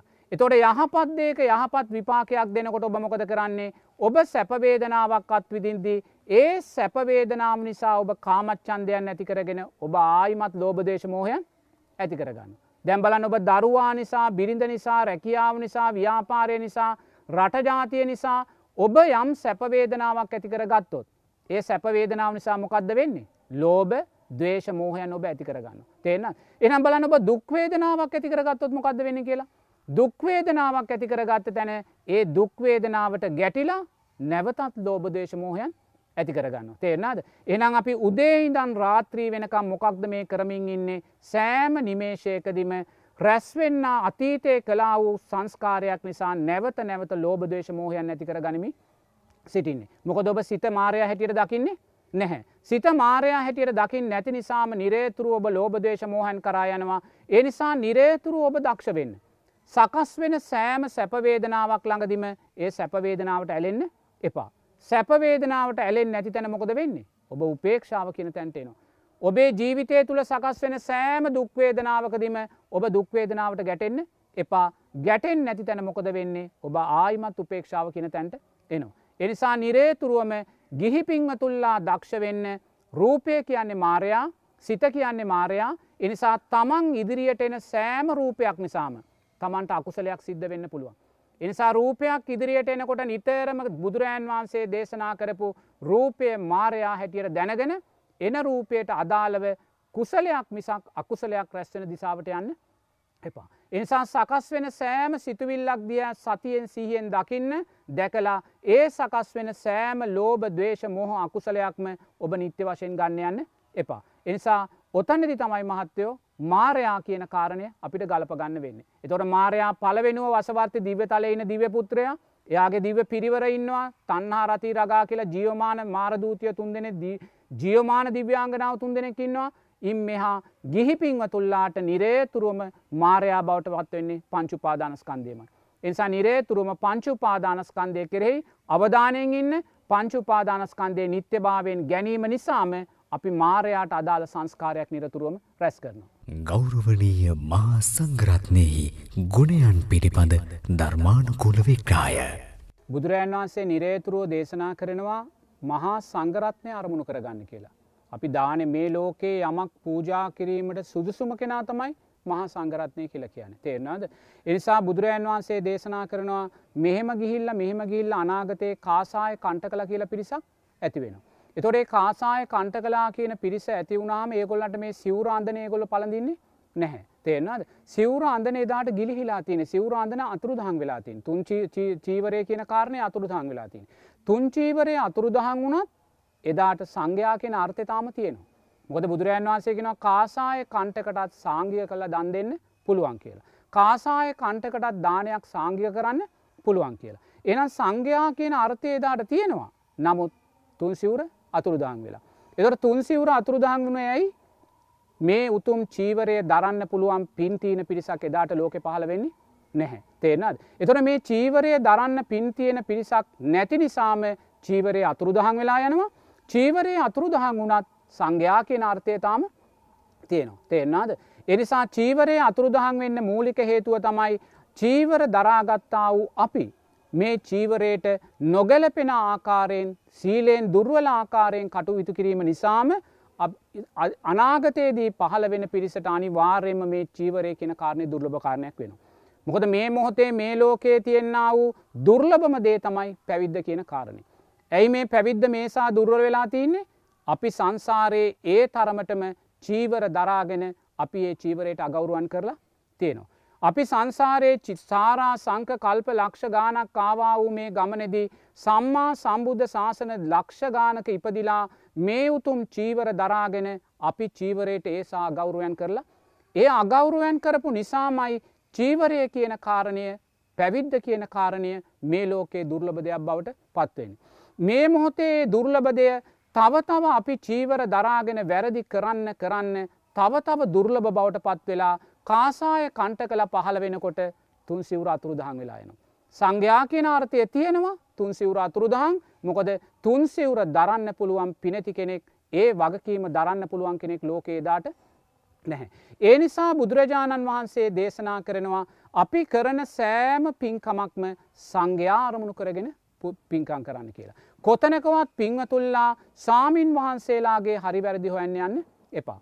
සාමීන් වහන්සේ පන්සලේද ආරන්නේද කැලේද කියන කාරණය අදාළ කරගන්න එපා. බුදුරජාණන් වහන්සේ දේශනා කරන්නේ තමන්ට මුණගැහෙන තමන්ට හමුවෙන සෑම ස්වාමින් වහන්සේ නමක්ම සංඝ්‍යාරමුණු කරගෙන දානය පූජා කරන්න කියලා. එතර බුදුරජාන් වහන්සේ මෙවැනි නීතියක් මෙවැනි ධර්මයක් අපිට පනවන්නේ ඇයි මේ ශාසනය ආරක්ෂාව දෙසා. තේෙන්නාද. මේ ශාසනය ආරක්ෂාව දෙසා මේ සම්මා සම්බුද්ධ ශාසනය වැඩිපුර එකම එක දවසක්කෝ ආරක්ෂාවී පැවතීම උදෙසායි බුදුරජන් වහන්සේ මෙමනි ධර්මය දේශනා කරන්න. එනිසා පිංවතුල්ලා කරන්න වූ සෑම දානමය සීලමය පින්කමකදිම පිංහතුල්ලා සංඝයා කියන අරමුණ සීතබාගන්න. එතකොට සංඝයා කියන්නේ කවුද අර කොණ්ඩඥ මහරහතන් වහන්සේ සාරිපුත්ත මහරහතන් වහන්සේ මුගලන් මහරහතන් වහන්සේගින් ඒ පැවැත්වෙන්න වූේ උතුම් රහතන් වහන්සේලාමයි. ඒ උතුම් අධිගමලාබීන්මයි. තේරනාද. එනිසා සංඝයා කියන තැන හිත පිහිටන්. එතකොට සංඝයා කියන තැන හිත පිහිටද්දී දැම් පිංහතුන් ප්‍රශ්න කළේ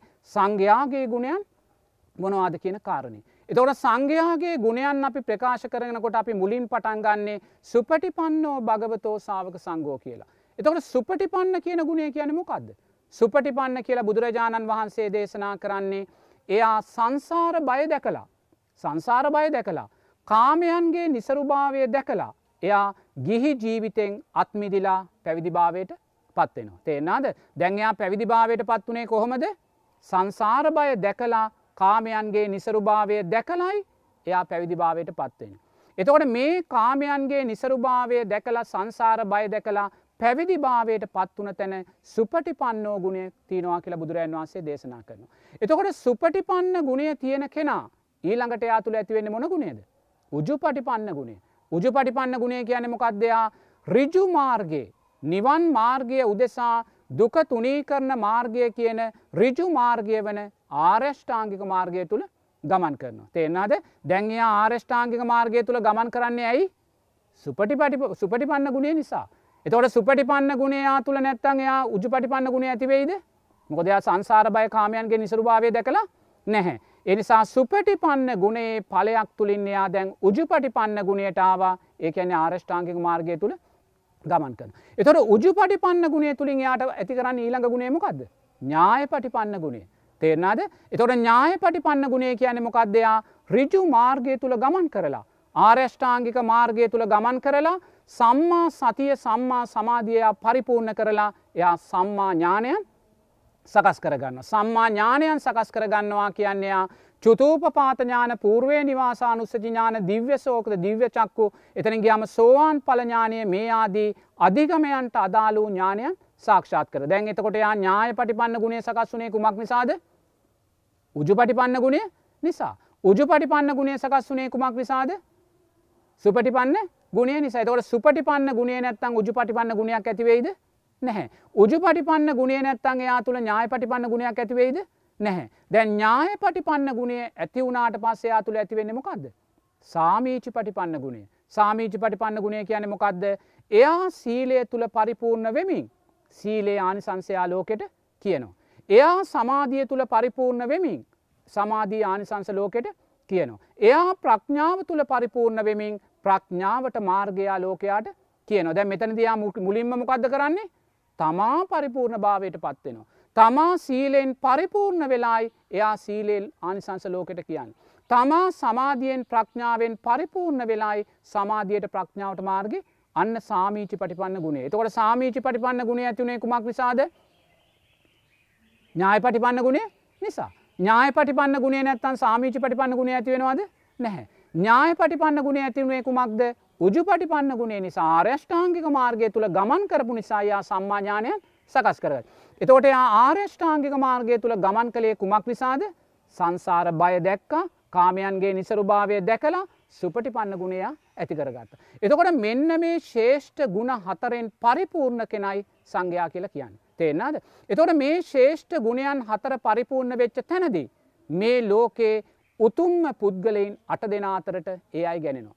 කෞද මේ උතුම්ම පුද්ගලයින් අට දෙනා කියන්නේ සෝවාන් මාර්ගය ඉන්න පුද්ගලයා සෝවාන් පලේ ලබ පුද්ගලයා සකුරුදාගාමී මාර්ගය සකුරුදාගාමී පලය අනාගාමී මාර්ගය අනාගාමී පලය රහත් මාර්ගය රහත් එකන මේ ලෝක ධාතුව තුළ ජීවත් වෙන ශේෂ්ඨම පුද්ගලයින් අට දෙනාතරට මේ සංඝයා මේ කාරණහතර පරිපූර්ණ වෙච් තැනදි ගැනෙනවා. එතොට මේ ශේෂ්ඨම පුද්ගලයින් හතර දෙනාට අතර දෙනාට බුදුරජන් වහන්සේ කියනවා නිරේතුරුවම ආගන්තුක හැටියට ආවත් නොදන්වාවත් ආරාධනා කලාවත් අපි ඒ අයට සුදුරෙදි අතුරලා පුළුවන් උපස්ථානයන් දර් ගෞරවෙන් අපි එයට දක්වන ඇයි කුමක් නිසාද අර පූර්ණ වූ ගුණයන් හතර නිසා. අර ශේෂ්ඨ පුද්ගලයින් අට දෙනාතරට සම්බන්ධ නිසා. එනිසා ඒ අයට මේ ලෝකේ ඔබට දෙන්න තියෙන ශේෂ්ඨම අග්‍රමදේ දෙන්න පූජා කරන්න සුදුසුයි. ඔබ යම් බත් එකක් කදාගත්තනං ආහාරයක් කදාගත්තනං ඒ ආහාරයේ මුල්ම කොටස දෙන්න සුදුසුයි.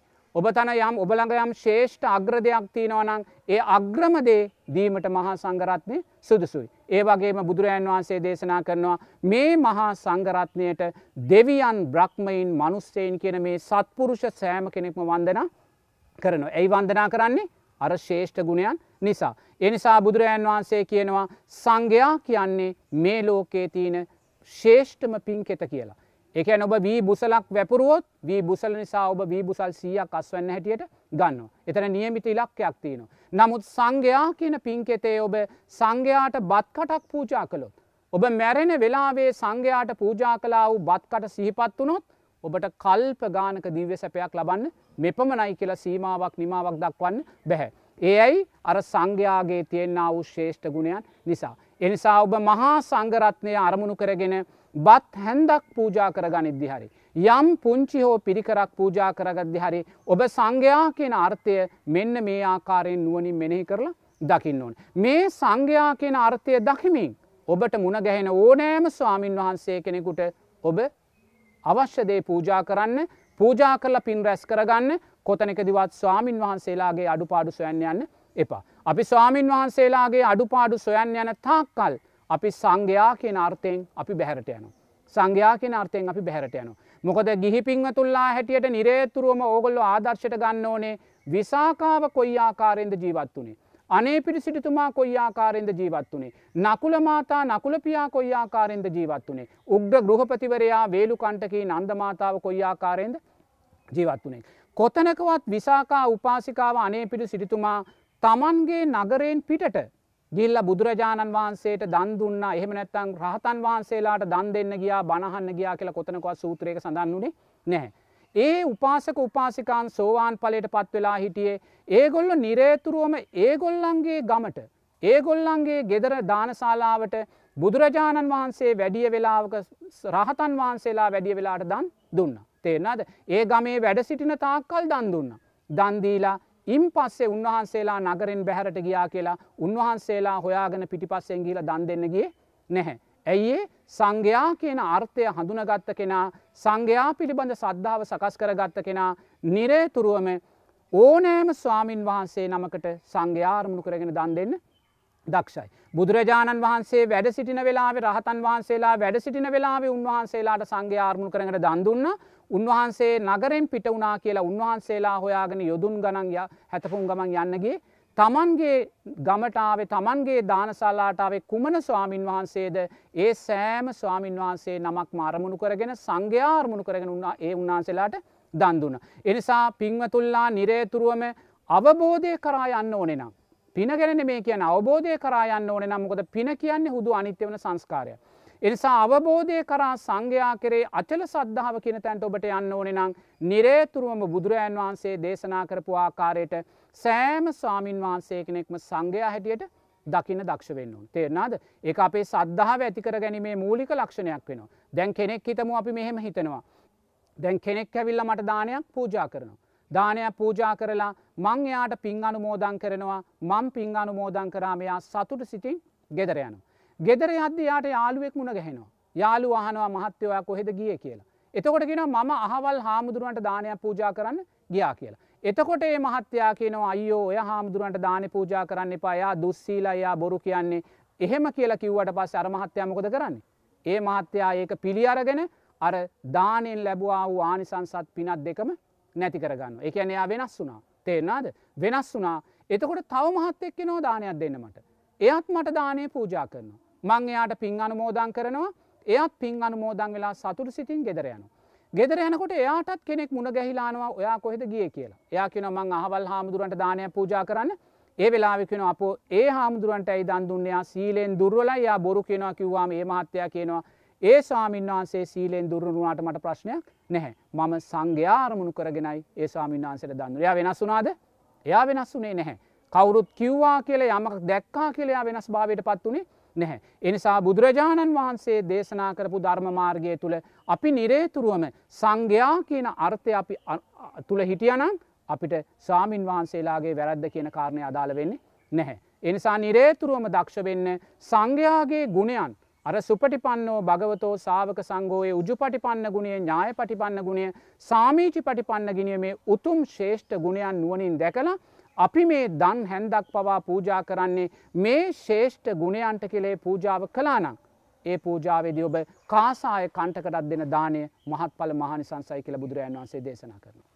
දුක්කාර්ය සත්‍යය අවබෝධ නොවීමට හේතුව. දුකට හේතුව වැටහෙන් නැත්තේ ප්‍රධානමදේ කල්්‍යාන මිත්‍රාශ්‍රය සද්ධර්ම සමනය නුවනින් මෙන කිරීම දුරලයි. තේරනාද දැන් දුක කියන කාරණය අපි ඉස්සෙල්ලාම හඳුනගන්න එපෑ ජාති ජරාව්‍යාධි මරණ සෝක පරිදේව දුක්ක දෝමනස්ස ප්‍රියන්ගෙන් වෙන්වීම අප්‍රියන්න එක්වීම පංචුපාදානස්කන්දය නිත්‍ය වශයෙන් ගැනීමේ දුක. එතොට මුලින්ම මේක දුක කියලා අපි හඳුන ගන්න ඕන. තේෙන්න්නද. එතොට දුක කියලා හඳුනගන්න අපිට තාම මේකට උපකාරය ධර්මයන් සකස් වෙලා නැත්තේ කුමක් නිසාද කල්්‍යාන මිත්‍රාශ්‍රය සද්ධර්ම සවනය නුවනින් මෙනය කිරීම දුරලයි. තේනාද මේ කාරණ තුන යොතට ප්‍රශ්න වෙලා තියන. එනිසා පිංවතුල්ලා සෑම වෙලාවකම හැකිතා කල්්‍යාන මිත්‍රාශ්‍රය සොයාගෙනයන්.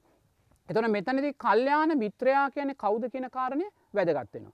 එතොට බුදුරජන් වහන්සේ කල්්‍යාන මිත්‍රයා නැත්තන් ධර්ම කතිකයා ධර්ම දේශකයා කියලා කියන්නේ සංසාර බය ප්‍රකාශ කරන්න කියලා බුදුරජන් වන්සේ කියන්න. සංසාර බය ප්‍රකාශ කරන්න. අපි කියමු පිංවතුල්ලාට මිත්‍රයකින්නවා. එයා කියනවා මෛත්‍රී බුදුරජාණන් වහන්සේ නොදැක නිවන් දකින්න බැහැ කියලා. එයා මිත්‍රයෙක් වෙන්න පුළුවන්. ඔබේ මිත්‍රයෙක් බව ඇත්ත නමුත් එයා කල්්‍යයාන මිත්‍රයෙක් වෙන්නේ නැහැ. තව කෙනෙක් කියනවා මේ ජීවිතයේ ඔබට චතුරාර් සත්‍ය අවබෝධ කරන්න බෑ සතරපාය මිදන්න බැහැ කියලා. එයා මිත්‍රයෙක් වෙන්න පුළුවන් නමුත් එයා කවදක්වත් කල්්‍යයාන මිත්‍රයෙක් වෙන්නේ එනම් කල්්‍යයාන මිත්‍රයා කියන්නේ නිරේතුරුවම බුදුරජාණන් වහන්සේ දේශනා කර සූත්‍රගත ධර්මයට අදාළව සංසාර බයත් කාමයන්ගේ නිසරුභාවයක් කියන කෙනාමයි. තෙන්නාද. එනිසා නිරේතුරුවම පිංහතුල්ලා කල්්‍යාන මිත්‍ර ඇසුර සොයාගෙනයන්.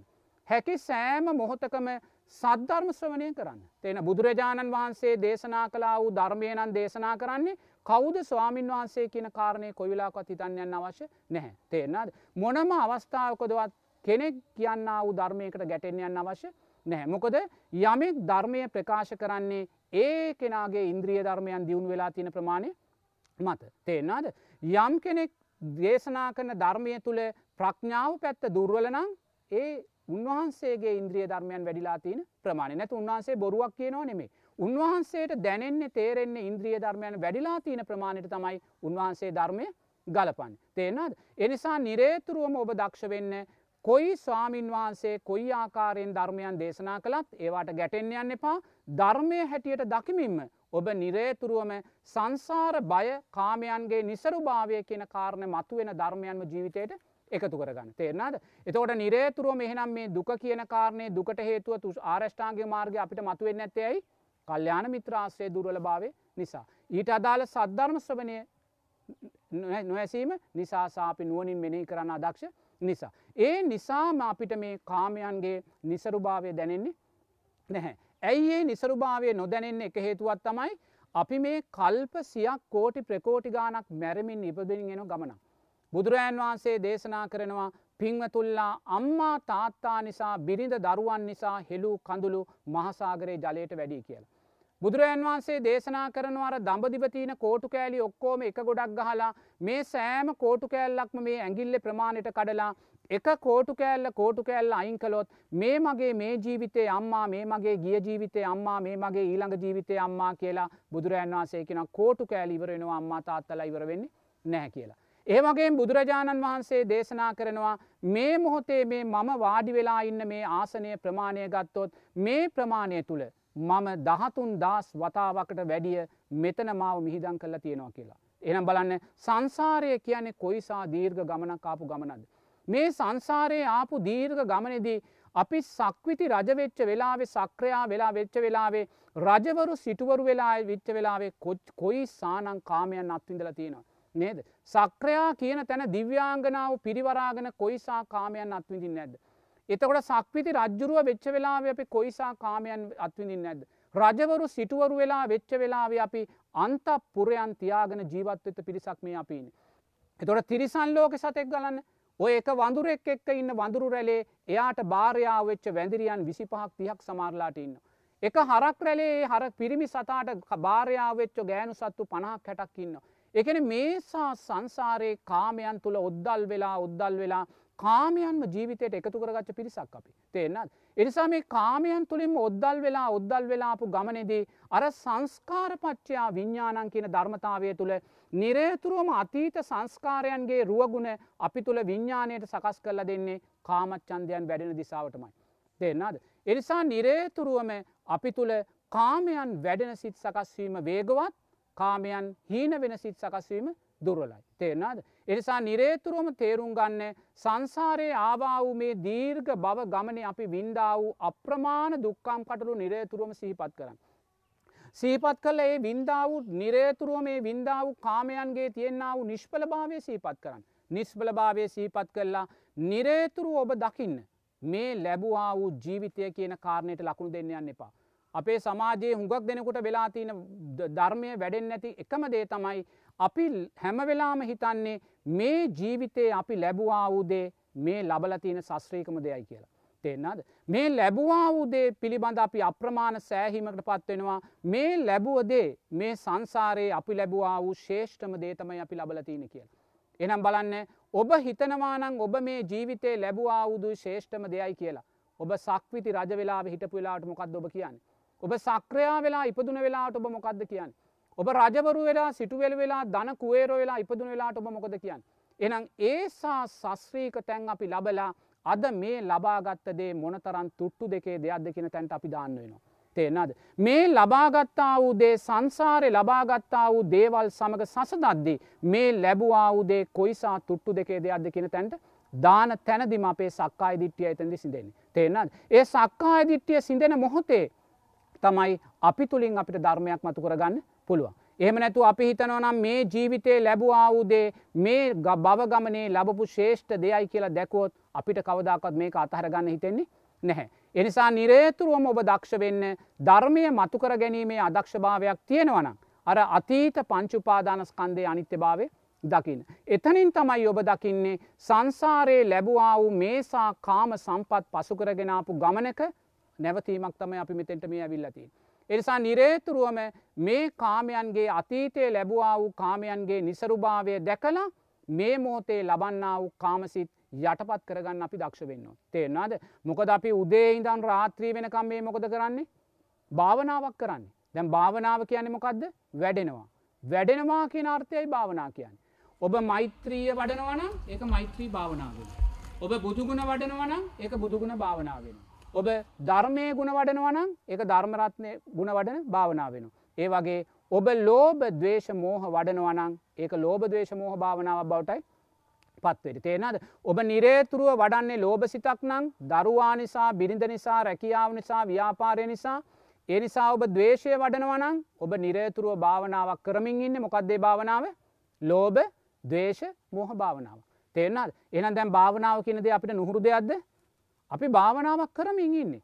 තියෙන සෑම කෙනෙක් දැක මහත්තෙක් ඉන්නවා යා උදේට රැකියාවට යද්දි නෝනට කියනවා මං අද හවසෙනකොට රුපියල් 25000 කරගෙන තමයි එයා හවසට රුපියල් 25000 කරන් එනවා අනිවාර්යෙන්. නමුත් බලන්න එයා රුපියල් 25000 හවසට අරන් එන්න එයා දවසේ පැය 8 තුල S2 අරගෙන ලෝභ ද්වේෂ මෝහ භාවනාව කොච්චර කරන්නේ නැද්ද කියලා නේද? ලෝභ දේශ මෝහ භාවනාව ඇස් දෙක අරගෙන පෑටක් කරලා යා හවසට රුපියල් විසිපන්දා කරන්ගෙ දෙට එනවා ඇවිල්ල අපි ළඟට ඇවිල්ල කියනවා ස්වාමීන් වහස භාවනාවක් වැඩෙන්නේ නැහැ කියල. එක ඇත්තත්ද භාවනාවක් වැඩෙනවා. නමුත් වැඩෙන්නේ මොකක්ද ලෝබදේශ මෝහ භාවනාව. ඇස් දෙක ඇරගෙන පෑටක් ලෝබදේශ මෝහ භාවනාව වඩන්න අපිට පුළුවන්. නමුත් ඇස් දෙක පියාගෙන විනාඩි දහයක් අලෝබාදවේ සමූහ භාවනාවක් වඩන්න ඇයි එහෙම වෙන්නේ? සංසාරයේ අපි කාමයන් අත්විදලා තින පුරුද්ධ නිසාමයි. ඒ කාමයන් අත්විඳලා තියෙන පුරුද්ධ සංස්කාරපච්චයා විඤ්ඥාන කියන ධර්මතාවය තුළ අපේ සංස්කාරයන් ක්‍රියාත්මක භාවයට පත්වෙද්දී විඤ්ඥානය නිරතුරුවම ක්‍රියාත්මක වෙන්නේ කාමයන්ට අදාළව තැනයි. එනිසා නිරේතුරුවම ඔය කාමයන්ගේ ප්‍රශ්නය සිත සංවරවෙන් නැත්තං අපි නිරේතුරුවම දක්ෂ වෙන්න ආර්යෂ්ඨාංගික මාර්ගය තව තව ශක්තිමත් වන. කොතනකදිවත් ගැටෙන්න්න යන්න එපා බණක් භාවනාවක් කරන්න ගියත් සීලයක් සමාදන් වෙන්න ගියත් පින්කමක් කරන්න ගියත් ගැටෙන හිතක් සකස් වනා කියලා කොතනකුවත් දුර්වල වෙන්න අවශ්‍යතාවයක් නැහැ. තේරනාද නිරේතුරුවම උත්සාහ ගන්න අතීතය කලා වූ ඒ අතීතයේ අපි රැස් කරලා තියෙන කාමච්චන්දයන් දිහැ බලලා මේ මොහොතේ ඒ බාධක හිත් අයින් කරලා නිරේතුරුව මාර්ෂ්ඨාංගික මාර්ගය ශක්තිමත් කරගෙන මාර්ගය තුළ ඉස්සරහට යන්න.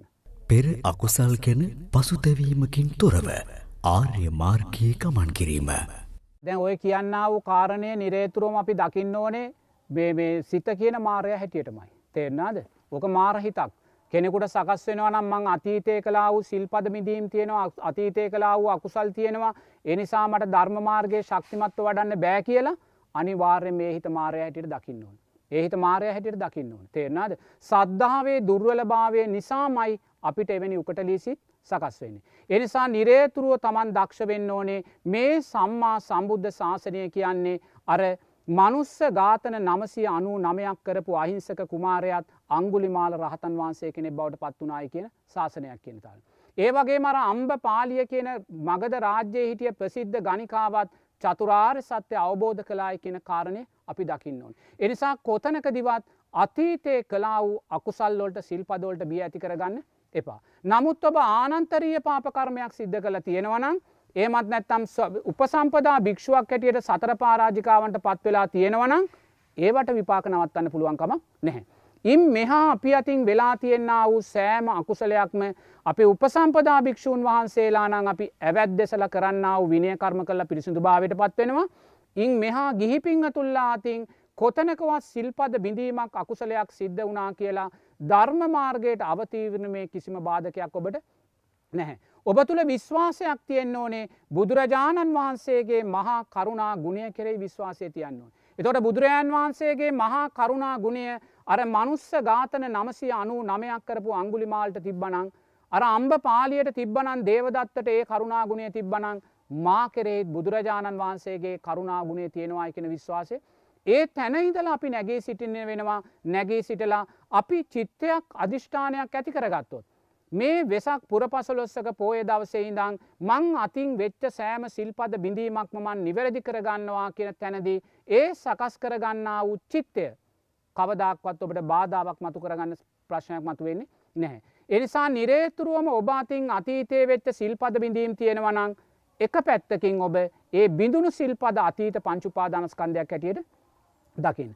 මොකද මේ සම්මා සම්බුද්ධ ශාසනය කියන්නේ රකින සිල්පදේ විදශනා නුවනින් දැකල සෝවාන් පලට පත්වවෙන්නත් පුළුවන් බිඳෙන සිල්පදේ විදශනා නුවනින් දැකල සෝවාන් පලට පත්වවෙන්න පුළුවන්. රකින සිල්පදයෙන් රැස්වුනේ කුසල් සංස්කාරයක් කුසල් සංස්කාරයත් අනිත්‍යයි බිදෙන සිල්පදයෙන් රැස්වුනේ අකුසල් සංස්කාරයක් අකුසල් සංස්කාරයක් අනිත්තයි. මේ සංස්කාරයන්ගේ අනිත්‍ය භාවය දකින තැන එය අවුතුම් සෝවාන් පලය අවබෝධ කරගන්න. එනිසා නිරේතුරුවම අතීතයේ වෙච්ච සිල්පද බිඳීමක් තියෙනවනං ඒ ගැන ගැටෙන් යන්න එපා. තේරනාද හැම වෙලාම රකින සිල්පද ගැන හිතල සතුට වෙන. දැන් ඔබ කියන්න ඔබ සිල්පද පහක් ආරක්ෂා කරනවා එක සිල්පදයක් බිඳෙනවා. එතකොට ඒ සිල්පදේ බිඳීම නිසා අපි නිරේතුරුවම ගැටමින් ඉන්නේ ගැටමින් ඉදල අපි මැරෙන වෙලාවේ ගැටෙන සිල්පදේ මතක් වුණොත් අපි සතරපායටයි වැටෙන තේනත් දැන් අර බුදුරජාණන් වහන්සේගේ කාලේ බුදුරජාන් වහන්සේ ස්වාමීන් වහන්සේලාට සර්පයෙක් පෙන්න්නනවා පිඹුරේ. පෙන්නලා කියනවා මහනෙන මේ සර්පයා කාශ්‍යප බුදුරජාණන් වහන්සේගේ කාලේ ජීවත් වෙච්ච අදක්ෂ භික්ෂුවක් කියලා. මොකද කාශ්‍යප බුදුරජාන් වහන්සේගේ කාලේ අවුරුදු විසිදාහක් ආයුෂ. මේ උපසම්පදා භික්ෂුවක් හැටියට එදායේ ස්වාමීන් වහන්සේ අවුරුදු විසිදාහක් ප්‍රාතිමෝක්ෂ ආරක්ෂා කළ ඇස් දෙක වගේ ප්‍රාතිමෝක්ෂ ආරක්ෂා කලා.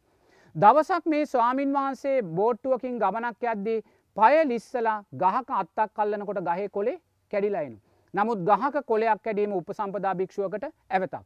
එක තවත් උපසම්පදා භික්ෂුවක් හමුව ඇවත දේශනා කරගන්න වෙනවා. නමුත් එදා රාත්‍රිය උපසම්පදා භික්ෂුවක් හමුණේ නෑවත දේශනා කරන්න අර ස්වාමීන් වහන්සේ ගැටෙන හිතෙන් ඉඳල රාත්‍රී අපවත් වෙනවා. අපවත් වෙලා සතරාපායටයි වැටෙන. එතකොට බුදුරජන් වහන්සේ කියනවා අවුරුදු විසිදාහක් රැකපු සීලයක් තිබලා රැකුණ බිඳුන එක සිල්පදයක් නිසා මේ අවාසනාවන්තයා සතරපායට වැඩනක. එනම් රකින සිල්පදය ගැන හැම්වෙලාම හිතන්න. බිඳෙන සිල්පදය ගැන ගැටෙන් යන්න ගැටෙන් නැතුව රකින සිල්පද ගැන හිතලා සතුටු වෙන්න සතුට වෙන ගමන් බිඳෙන සිල්පදයන් නිවැරදි කරගන්න උත්සාහගන්න. ඒ උත්සාහ ගන්න ගමන් ඔබ නිරේතුරුව දක්ෂ වෙන්න අතීතයේ සිල්පද බිඳීම් තියෙනවනං ඒවා නුවනින් මතකෙට අරගෙන ඒ සෑම සිල්පද බිඳීමක්ම අතීත පංචුපාදානස්කන්ධයක් කියලා යටපත් කළදාන්න. දැම් බලන්න අංගුලිමාල මිනි නමසය අනු නමයක් මරලා බුදුරජාණන් වහන්සේ දෙන එක කමටහනින් මේ සියලුම සංස්කාරයන්ගේ අනිත්‍ය භාවේ බුදුරජාණන්සකෙන අංගුලිමාල මම නැවතුනා ඔබ නවතින් එච්චරයි කියන වෙන දෙයක් කියන්නේ. මම නැවතුනා කියන්න මොකක්ද මම සංස්කාර රැස්කිරීම නතර කලා. එනිසා ඔබතාම සංස්කාර රැස්කරමින් භවයට යනවා. එනිසා ඔබ නතර වෙන්න කියන තැනදී අංගුලිමාල දක්ෂයා එයා හිතනවා මට නතර වෙන්න කියන්නේ මේ සංස්කාර රැස්කිරීම නතර කරනවා කියන තැනයා සිතේ අනිත්‍ය භාවය සංස්කාරයන්ගේ අනිත්‍ය භාවය දකින මෝතෙම උතුම් චතුරාර් සත්‍යය අවබෝධ කරග. එනිසා නිරේතුරුවම ඔබේ සිල්පද බිඳීම් තියෙනවනං ඒ බව නිවැරදි කරගන්න නිවැරදි කරගන්න ගමන් සෑම සිල්පද බිඳීමක් අතීත පංචුපාදානස්කන්ධයක් හැටියට දකිින්. ඒවගේ ඔබේ අතින් අකුසල් සිද්ධ වෙලා තියෙනවනං ඒ අකුසල් නිරේතුරුවම ඔබේ මතකට එනවනං ඔබ ශක්තිමත් කුසලයක් තුළින් ඒ අකුසල් යටපත් කරගන්න. දැන් එක්තරා අම්ම කෙනෙක් විවාහක ජෝඩුවක් ජීවිතේ වයසටගේ විවාහක ජෝඩුවක් ඇවිල්ල ප්‍රකාශ කරන ස්වාමීන් වහන්ස අපි තරුණ කාලය අපේ අතින් ගබ්සාාවක් සිද්ධ වුණ. නමුත් එදා අපි ධර්මය දැනගෙන හිටිය නැහැ. නමුත් දැන් අපිට ඒ ප්‍රශ්නය නැවත නැවත මතක් කරලා නැවත නැවත පීඩා කරන අපි දැම්මොකක්ද කරන්න ඕනේ. එතොට ඒ මහත්මයාගෙන් අපි හද්දී ඔබට මේ සිතුවිල්ල නැවත නැවත මතක් වෙනවාද කියලා ඕකි වෙනම් මතක් වෙනවනන් එක බරපතල ප්‍රශ්නය. මොකද මැරෙන වෙලාවේ සිත කියන්නේ මාරයා නිරේතුරුවම අපිට අකුසලයක් මතක් කළ දෙන්න පුළුවන්. එනම් ඒ වෙලාවේ මහත්මයාට කිව්වේ එහෙනම් ඔබ ඔය ළමාරෝහලට යන්න ළමාරෝහලේ දැඩි සත්කාරකගේ ජීවිතයත් මරණයත් අතර සටන් කරන දරුවඉන්න. එකොලන්ට අවශ්‍ය බෙහෙත්තේත් දෙන්නේ අම්මතාත්තට වටවත්කමක් නැහැ. එනිසා එවැනි මරණාසන්න දරුවෝ දෙතුන් දෙනෙ තෝරගෙන ඒ දරුවන් ජීවත් වෙන තාක්කල් අවශ්‍ය පහසුකම් සපයන්. ඒ දරුවා ජීවත් වෙනවා දැකලා ඔබ චිත්තයක් ඇති කරගන්න මගේ අතින් නැතිවුණ දරුවාට මං ජීවිතයක් දුන්න කියලා. නමුත් ඔබේ චිත්තය ඇති කරගත්තට පස්සේ ඔබේ අතීතය කලා වූ වරද යටපත් කළ දාන්න දක්ෂ වෙන්නුන්. නමුත් ඔබ ඒ දේ කරලා නැවතත් අතීතයේ වෙච්චදේ මතක් කරන්න යනවනන් චේතනා හම්භික්කවේ කම්මං වදාමි වැඩක් වෙන්නේ නැහැ. එනිසා කලා වූ අකුසලය අර කුසලයෙන් යටපත් කලාට පස්සේ ආයිමත් ඒක මතකට ගන්න අවශ්‍ය නැහැ. තමන් දක්ෂ වෙන්න ඕන එතන නැවතේ චේතනාවට නොයා නමුත් චේතනාව නැවත සකස් කරගත්තොත් ආයිමත් අරාකුසලේ විපාගෙට එනවා. දැන් ඔබ හිතන්න ඔබ පාරක් ගහලා බල්ලෙක් නැත්තම් බලෙක් මැරුණ කියලා දැන් ඕක නිරේතුරුම අපිට මතක් වෙනවා. දැන් ඕක මතක් වෙනකොට මතක් වෙනකොට තව තව බනහන්න බනහන්න ඕකමයි මතක් වෙන්නේ. අතීත පංච උපාදානස්කන්ධයක් හැටියට දැකලා මේක යටපත් කරන ශක්තියකුත් එහෙම තියෙනවනම් ඔබ මොකක්ද කරන්න ඕනේ කොේ හරි කන්න බොන්න නැති ඉන්න තැනක් නැති හරි බලු පැටියෙක් පූස් පැටියෙක් ගෙනල්ලා ගේ ඇතුළට ගන්න නැතුව ඒ බල්ලාට පූසාට එලිය තියලා කන්න බොන්න දීලා ලොකු මහත් වුණාට පස්සේ යාව එළියට අරිනවා මගේ අතින් නැති වුණා වූ පූස් පැටියාට බල්ලාට මං ජීවිතයක් දුන්න කියලා. දීලා කලා වූ අකුසලය මේ කලා වූ කුසලෙන් යා යටපත් කරලා දානු. එනම් බලන දැන් අපේ අතින් අතීත සිල්පද බිදී මුණනං අකුසල් වුනානං එනම් එකක් තමයි රකින සිල්පදේ ගැන හිතල සතුටු වෙන්න රකින සිල්පදේ ගැන හිතල සතුටු වෙද්දියේ සතුට විසින්ම බිදන සිල්පදේ නිවැරදි තැන්ට ගන්න පුළුවන් දෙක බිඳුණු සිල්පද තියෙනවනං ඒවා අතීත පංචුපාදානස්කන්ධයක් හැටියට දකින්න තුන කලා වූ ශක්තිමත් අකුසල් තියෙනවනං අලුතෙන් කරන්න වූ ශක්තිමත් කුසල් තුළින් ඒ අකුසලේ යටපත් කළදාන්න. එනම් මේ අවස්ථා තුනක් තියෙනවා අතීතයේ වැරද්දක් වුණානං අපිට නැවත නැගේ සිටින. එනිසා අතීතයේ මොන සිල්පද බිඳීම් තිබ්බත් ආනන්තරිය පාපකර්ම වෙලා නැත්තං මොන සිල්පද බිඳීම් තිබ්බත් මොන අකුසලයන් සිද්ධ වුණත් බුදුරජාණන් වහන්සේගේ මහා කරුණා ගුණය ඔබට ඕන වෙලාවක සූදානම් ඔබව නැවත ධර්මමාර්ගය තුළ ශක්තිමත් කරන්න. දරුවන් සහ දෙමාපියන් සී තබාගත යුතු දාම් කරුණු කිහිපයක්. අපේ ශාසනයේ සංකිච්ච පුංචි හාමුදුරුවෝ දබ්බමල්ල පුත්ත පුංචි හාමුදුරුව එතනකුද රාහුල පුංචි හාමුදුරුව මේ සෑම කෙනෙක්ම මේ වයසවුරුදු දහයිම් පල්ලෙහාව පුංචි සාමනයන ස්වාමීන් වහන්සේලා තේරනාද. එතොට බලන්න ඒ සාමනේර සාමීන් වහන්සේලා තුළත් මේ ජීවිතයේදී උතුම් චතුරාර් සත්‍ය අවබෝධ කරගන්න පුළුවන් ශක්තියක් තිබ්බ.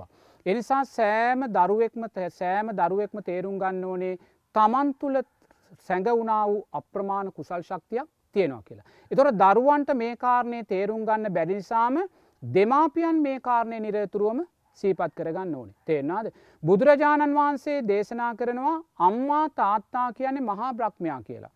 තෙනද මේ දරුවන් නිරේතුරුව අම්මා තාත්තාගේ මේ ගුණයන් නොදන්නා නිසාම නොදන්නා බව නිසාම දවසට අප්‍රමාණු අකුසල් සංස්කාර ප්‍රමාණයක් රැස් කරගන්න. එනිසා දරුවන් මුලින්ම දක්ෂ වෙන්න අම්මා තාත්තා කියන්නේ මහා බ්‍රහ්මයා හැටියටයි බුදුරජන් වන්සේ හඳුනන්න. එතොට මහා බ්‍රහ්මයා මේ ලෝකයේ දිහැ බලන්නේ මෙත්තා කරුණා මුදිතා උපේක්ෂා කියෙන සතර බ්‍රහ්ම විහරවලුනි. එතොට මේ මහා බ්‍රහ්මයා මේ ලෝකය දිහැ බලන මෙත්තා කරුණා මුදිතා උපේක්ෂා ගුණයන් ගෙනුයි අම්මා තාත්තා කෙනෙක් දරුවාදිහ බලන්න.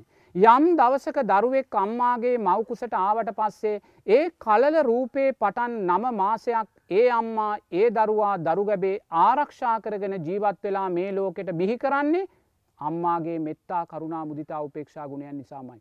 ඒ දරුවා එතනින් ලෝකෙට බිහි කරලා පාසල් අධ්‍යාපනය දක්වා යොමු කරගෙන යන්නේ ඒ අම්මා තුළ තියෙන මෙත්තා කරුණා මුදිතා උපේක්ෂා ගුණයන්මයි. එනිසා බලන්න අම්මා තාත්තා කෙනෙක් දරුවන් දෙස මෙත්තා කරුණා මුදිතා උපේක්ෂා ගුණයන්ගෙන් බලද්දි. ඒ දරුවා අම්මා තාත්තා දෙස දවේශයකින් වෛරයකින් ක්‍රෝධයකින් අකීකරු භාවයකින් බලනවනං ඒක කොයිසා කුසලයක් වෙනවා. එනිසා බුදුරජාණන් වහන්සේ දේශනා කරනවා දරුවන් නිසා අම්මා තාත්තාගේ නෙතට කඳුලක්කාවොත් ඒ කඳුල ගින්දරක්ය කියලා. ඒ ගින්දරක් වෙන කඳුලට කවදාහරි ඒ දරුවන් පිච්චෙනවා කියලා බුදුරජන් වහන්සේ දේශනා කරනවා. මොකදේ අම්මා තාත්තාගේ නෙතට ඒ කඳුල ගලන්නේ අම්මා තාත්තාගේ හදවතේ තියෙන මෙත්තා කරුණා මුදිතා උපේක්ෂා කෙන ගුණයන් උනුකරමින් තමයි ඒ කඳුල ඒ නෙතකට එන්නේ. එනිසා දරුවන් නිරේතුරුව දක්ෂ වෙන්න ඕනේ තමන් අම්මා තාත්තාට කීකරුව ජීවත්වෙන. තේරනාද මොකද අධ්‍යාපනය ලබන කාලේ අධ්‍යාපනය කියන්නේ සංස්කාරය. දැන් අපිකම පන්තිකාම්බරයක ළමයි පනස් දෙනෙක්කින්නවා කියලා ඒ ළමයි පනස් දෙනා උගන්නන්න එකම ටීච කෙනෙක්. ඉගෙන ගන්න එකම පාසලේ උගන්නන්න එකම විෂයමාලාව ලබන්න එකම පහසුකම්. මේ සියල්ලම සමවුනත් වාර අවසානයේදී එක දරුවෙක් පළවෙනියා වෙනවා තව දරුවෙක් පනස්වෙනියා එනම් මොකක්ද මෙතන තියන්නේ සංස්කාර පණහක එකතුවත් තමයි මෙතන තියන. සංස්කාරයන් පණහක එකතුවක් මෙතන තියන. එනිසා අපි නිරේතුරුව දක්ෂ වෙන්න ඕනේ පාසල් දරුවෙක් අධ්‍යාපනය ලබන කාලෙදී එයාව නිරේතුරුව කුසලය තුළ ශක්තිමත් භාවයට පත් කරවන්න. මොකද කුසලේ ශක්තිමත් භාවයමයි අධ්‍යාපනය තුළයා විස්සරහට අරගෙනයන්. එනිසා කුසලේ ශක්තිමත් භාවය දරුවා තුළින් වැඩෙන්නේ පළවෙනි කාරණය තමයි දෙමාපියන් කරේ ඇතිකර ගන්නාව කීකරු භාවය. දෙක ගුරුවරුන් කරේ ඇතිකර ගන්නාව කීකරු භාවය. තුන්වෙනි කාරණය තමයි නිරේතුරුව දිනපතා බුද්ධ වන්දනාවක යෙදීම. හතරවෙනි කාරණය තමයි දරුවෙක් නිරේතුරුවම මෛත්‍රී චිත්තයක් ඇතිව ජීවත්ම අද මොකද සමහර දරුව ටියවෂන් පන්තියේදී පන්තිකාමරයේදී අනිත් ලරුවාගේ අධ්‍යාපනය වැඩිභාවය නිසා දේශය සකස් කරන අවස්ථා වැඩි මේ තරගකාරීත්වය නිසා දරුවාත් නිරතුරුවම අනිත් දරුවා කරේ දේශයෙන් තමයි සකස්වෙන්. එතකොට මෙවැනි දේවල් වැඩෙන්න්න වැඩෙන්න්න මොකද වෙන්නේ දරුවා තුළ නිරේතුරුවම අකුසලයක් සකස් වෙනවා අකුසලයක් සකස් වෙනකොට විපාක නොදුන්නා වූ අකුසල් මතු වෙලා එනවා. විපාක නොදුන්නා වූ අකුසල් මතු වෙලායන. ඒ මතු වෙලායිදි දරුවා තව තවත් අකේකරු භාවයන්ට පත් වෙලා අධ්‍යාපනය දුරල භාවයෙන්ටයි යන්න. ඒ නිසා නිරේතුරුවම දෙමාපියන් දක්ෂ වෙන්න ඕනේ දරුවාව නිරේතුරුව මේ මාර්ගය වැඩෙන දිසාවට ගන්න. වැඩෙන දිසාවට ගන්නවා කියන මොකක්ද දෙමාපියන්ට කීකරු භාවයට පත් කරන. එතකොට දරුවෙක් දෙමාපියන් කෙරෙහි දේශයක් අකීකරු භාවයක් ඇතිකර ගන්නවා කියන්නේ බලවත් අනතුරක් හැටියට දෙමාපියෝ දකින්න ඕන. මොකද බුදුරජාන් වහන්සේ ආනන්තරීය පාපකර්ම පනවනකොට ආනන්තරීය පාපකර්මවලට මොකක්ද පළවෙනි කාරණය බුදුරජාන් වහන්සේගේ ලේසලවීම ආනන්තරීය පාපකර්මයක්. රහතන් වහන්සේ මැරීම ආනන්තරිය පාපකර්මයක්. සංග බේදය ආනන්තරීය පාපකර්මයක්. එති ඊළඟට අම්මා තාත්තා මැරීම ආනන්තරිය එනම් බලන්න ආනන්තරීය පාපකර්ම දේශනා කරනකොට බුදුරජාන් වහන්සේ රහතන් වහන්සේත් අම්මා තාත්තාත් එක තැන තමයි තියලතින්. ගෙන රහතන් වහන්සේ මැරීමත් ආනන්තරීය පාපකර්මයක් අම්මා තාත්තා මැරීමත් ආනන්තරීය පාපකර්මයක් නං රහතන් වහන්සේ කියන තැනයි බුදුරජන් වහන්සේ අම්මා තාත්තා කියලතින්. එහනම් දරුවෙක් නොදැනුවත් භාවෙන් හෝ අම්මා තාත්තාට අකීකරු වෙනවා දේශ ගන්නවා කියන්නේ රහතන් වහන්සේ කෙනෙකුට අකීකරු වෙනවා දේශ ගන්නවා කියන කාරණය. එනිසා ඒ නිසා දෙමාපියන් දක්ෂ වෙන්න ඕනේ දරුවා තමන් කෙරෙයි දේශය සකස් කරන මොහොතක් පාසා දරුවා බලවත් අකුසලයක් තුළට යනවායි කියන කාරණය දකින්න. නමුත් වර්තමාන සමාජයේ අම්මල තාත්තල මේ කාරණය දකින්නේ නැහැ. ඒ අම්මලා තාත්තලාත් නිරේතුරුව හැසිරෙන්නේ දරුවා දේශයක් ඇතිවෙන ස්භාවයටමයි. නමුත් ඒ දේශය තුළින් දරුවා කරගන්නාව අකුසලේ දකින්නේ ගොල දක්ෂ නැහැ. එනිසා සෑම අම්මාතාත්තා කෙනෙක්ම දක්ෂ වෙන්න ඕනේ තමන් නිසා දරුවා දේශයක් ඇතිකර ගන්න තැනට යනවනම් වහා මේකෙන් වලකින්න. මොකද ඒ දේශය දරුවා ඇතිකර ගන්නවා කියන්නේ රහතන් වහන්සේ කරේ දේශයක් ඇතිකර ගන්නවා කිනහා කරු සමාන්ටම බලව.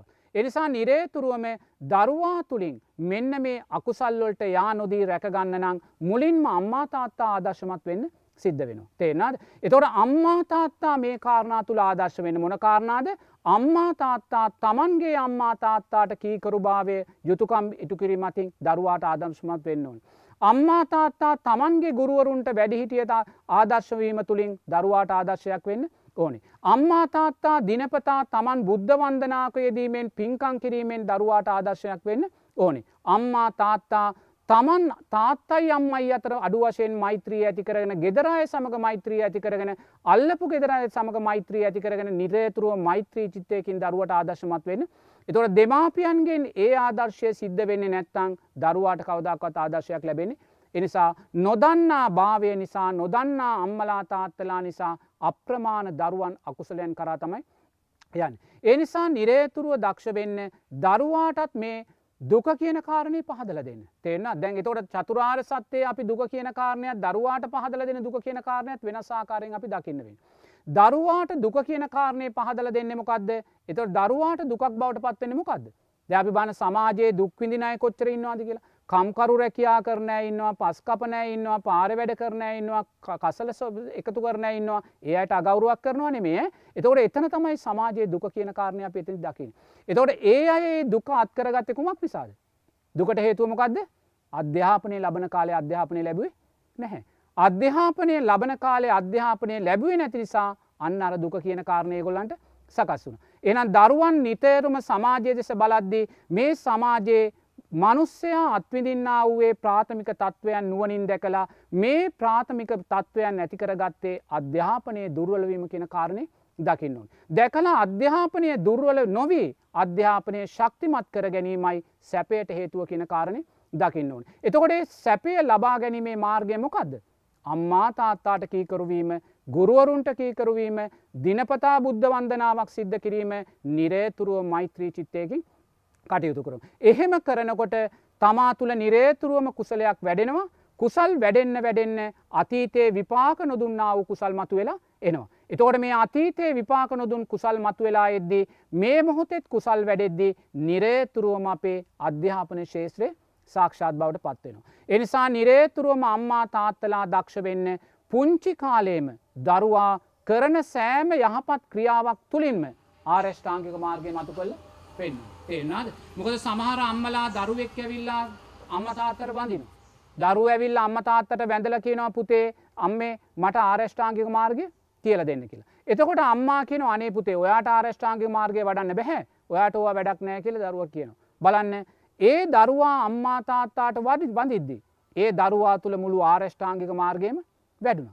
තිෙන්න ඒ දරුවා අම්මා තාත්තාට වඳිද්දී ඒ දරුවා තුළ බුදුරජාණන් වහන්සේ දේශනා කලා වූ අම්මා තාත්තාට සලකන්න කියන කාරණය ඇති වුණ ඒ කැනෙ දරුවා තුළ සද්ධාව ඇති වුණ. එතකොට ඒ දරුවා අම්මාට වදිද්දී එයා තුළ හිංසාකාරී චේතනාවක් එහෙම නැත්තන් දවේශ චේතනාවක් නැත්තන් ලෝබදේශමෝහයක් ඇතිවුණේ නැහැ. අවිහිංසා සිතින්මයි අව්‍යාපාද සිතින්මයි වැඩුණ එකැන සම්මා සංකප්ප වැඩුණ. දැන් අතනති බුදුරජාණන් වහන්සේ කිව්වාකාරයට අම්මා තාත්තාට වන්දනා කරනකොට සම්මා දිට්ටිය ඇති වුණා අවිහිංසාව එහෙම නැත්තං අදවේශය ඇති වෙනකොට සම්මා සංකප් ඇති වුණා ඒ වෙලා වේ දරුවාගේ සීලේ දුරල භාවයක් නැහැ.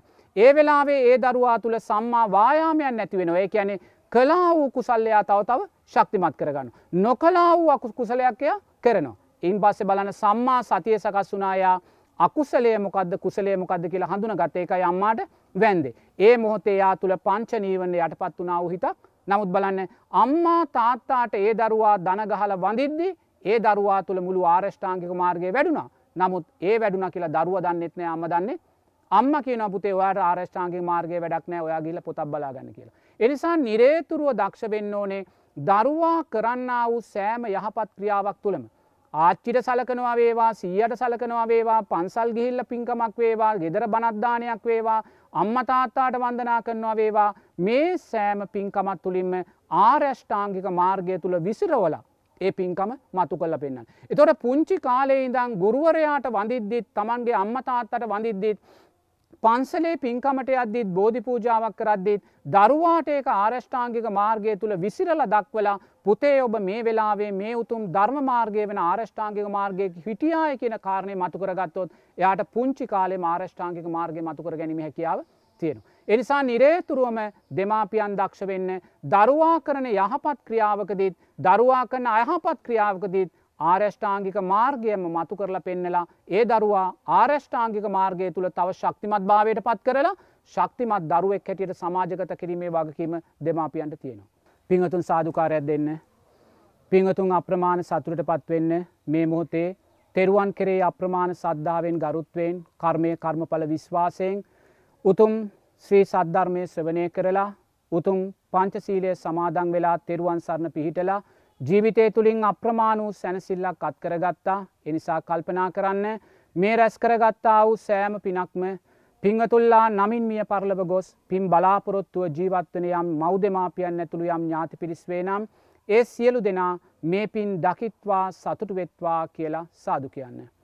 ඒ වගේම මේ රැස් කරගත්තා වූ සෑම පිනක්ම මහේශාක්‍ය අල්පේශාක්‍ය අප්‍රමාණ දිව්‍යරාජ සමූහයා මේ පින් දකිත්වා සතුටුවෙත්වා දෙවියෝ ප්‍රාර්ථනීය බෝධියකින් අමා මහ නිවනෙන් සැනසෙත්වා දෙවියන්ගේ ආසිරිවාදයෙන් පිංහතුල්ලා කරන කියන ව්‍යාපාර රැකීරක්ෂා දවාදරුවන්ගේ කටයුතුවේ නම් පින්ගන්නා වූ දෙවියන්ගේ ආසිරිවාදයෙන් ඒවා සස්්‍රීක භාවයට පත්වේවා සෞභාග්‍යමත් භාවයට පත්වේවා කියලා දෙවියන්ටත් සාදු කියල පින් අනුමෝදන් කරන්න.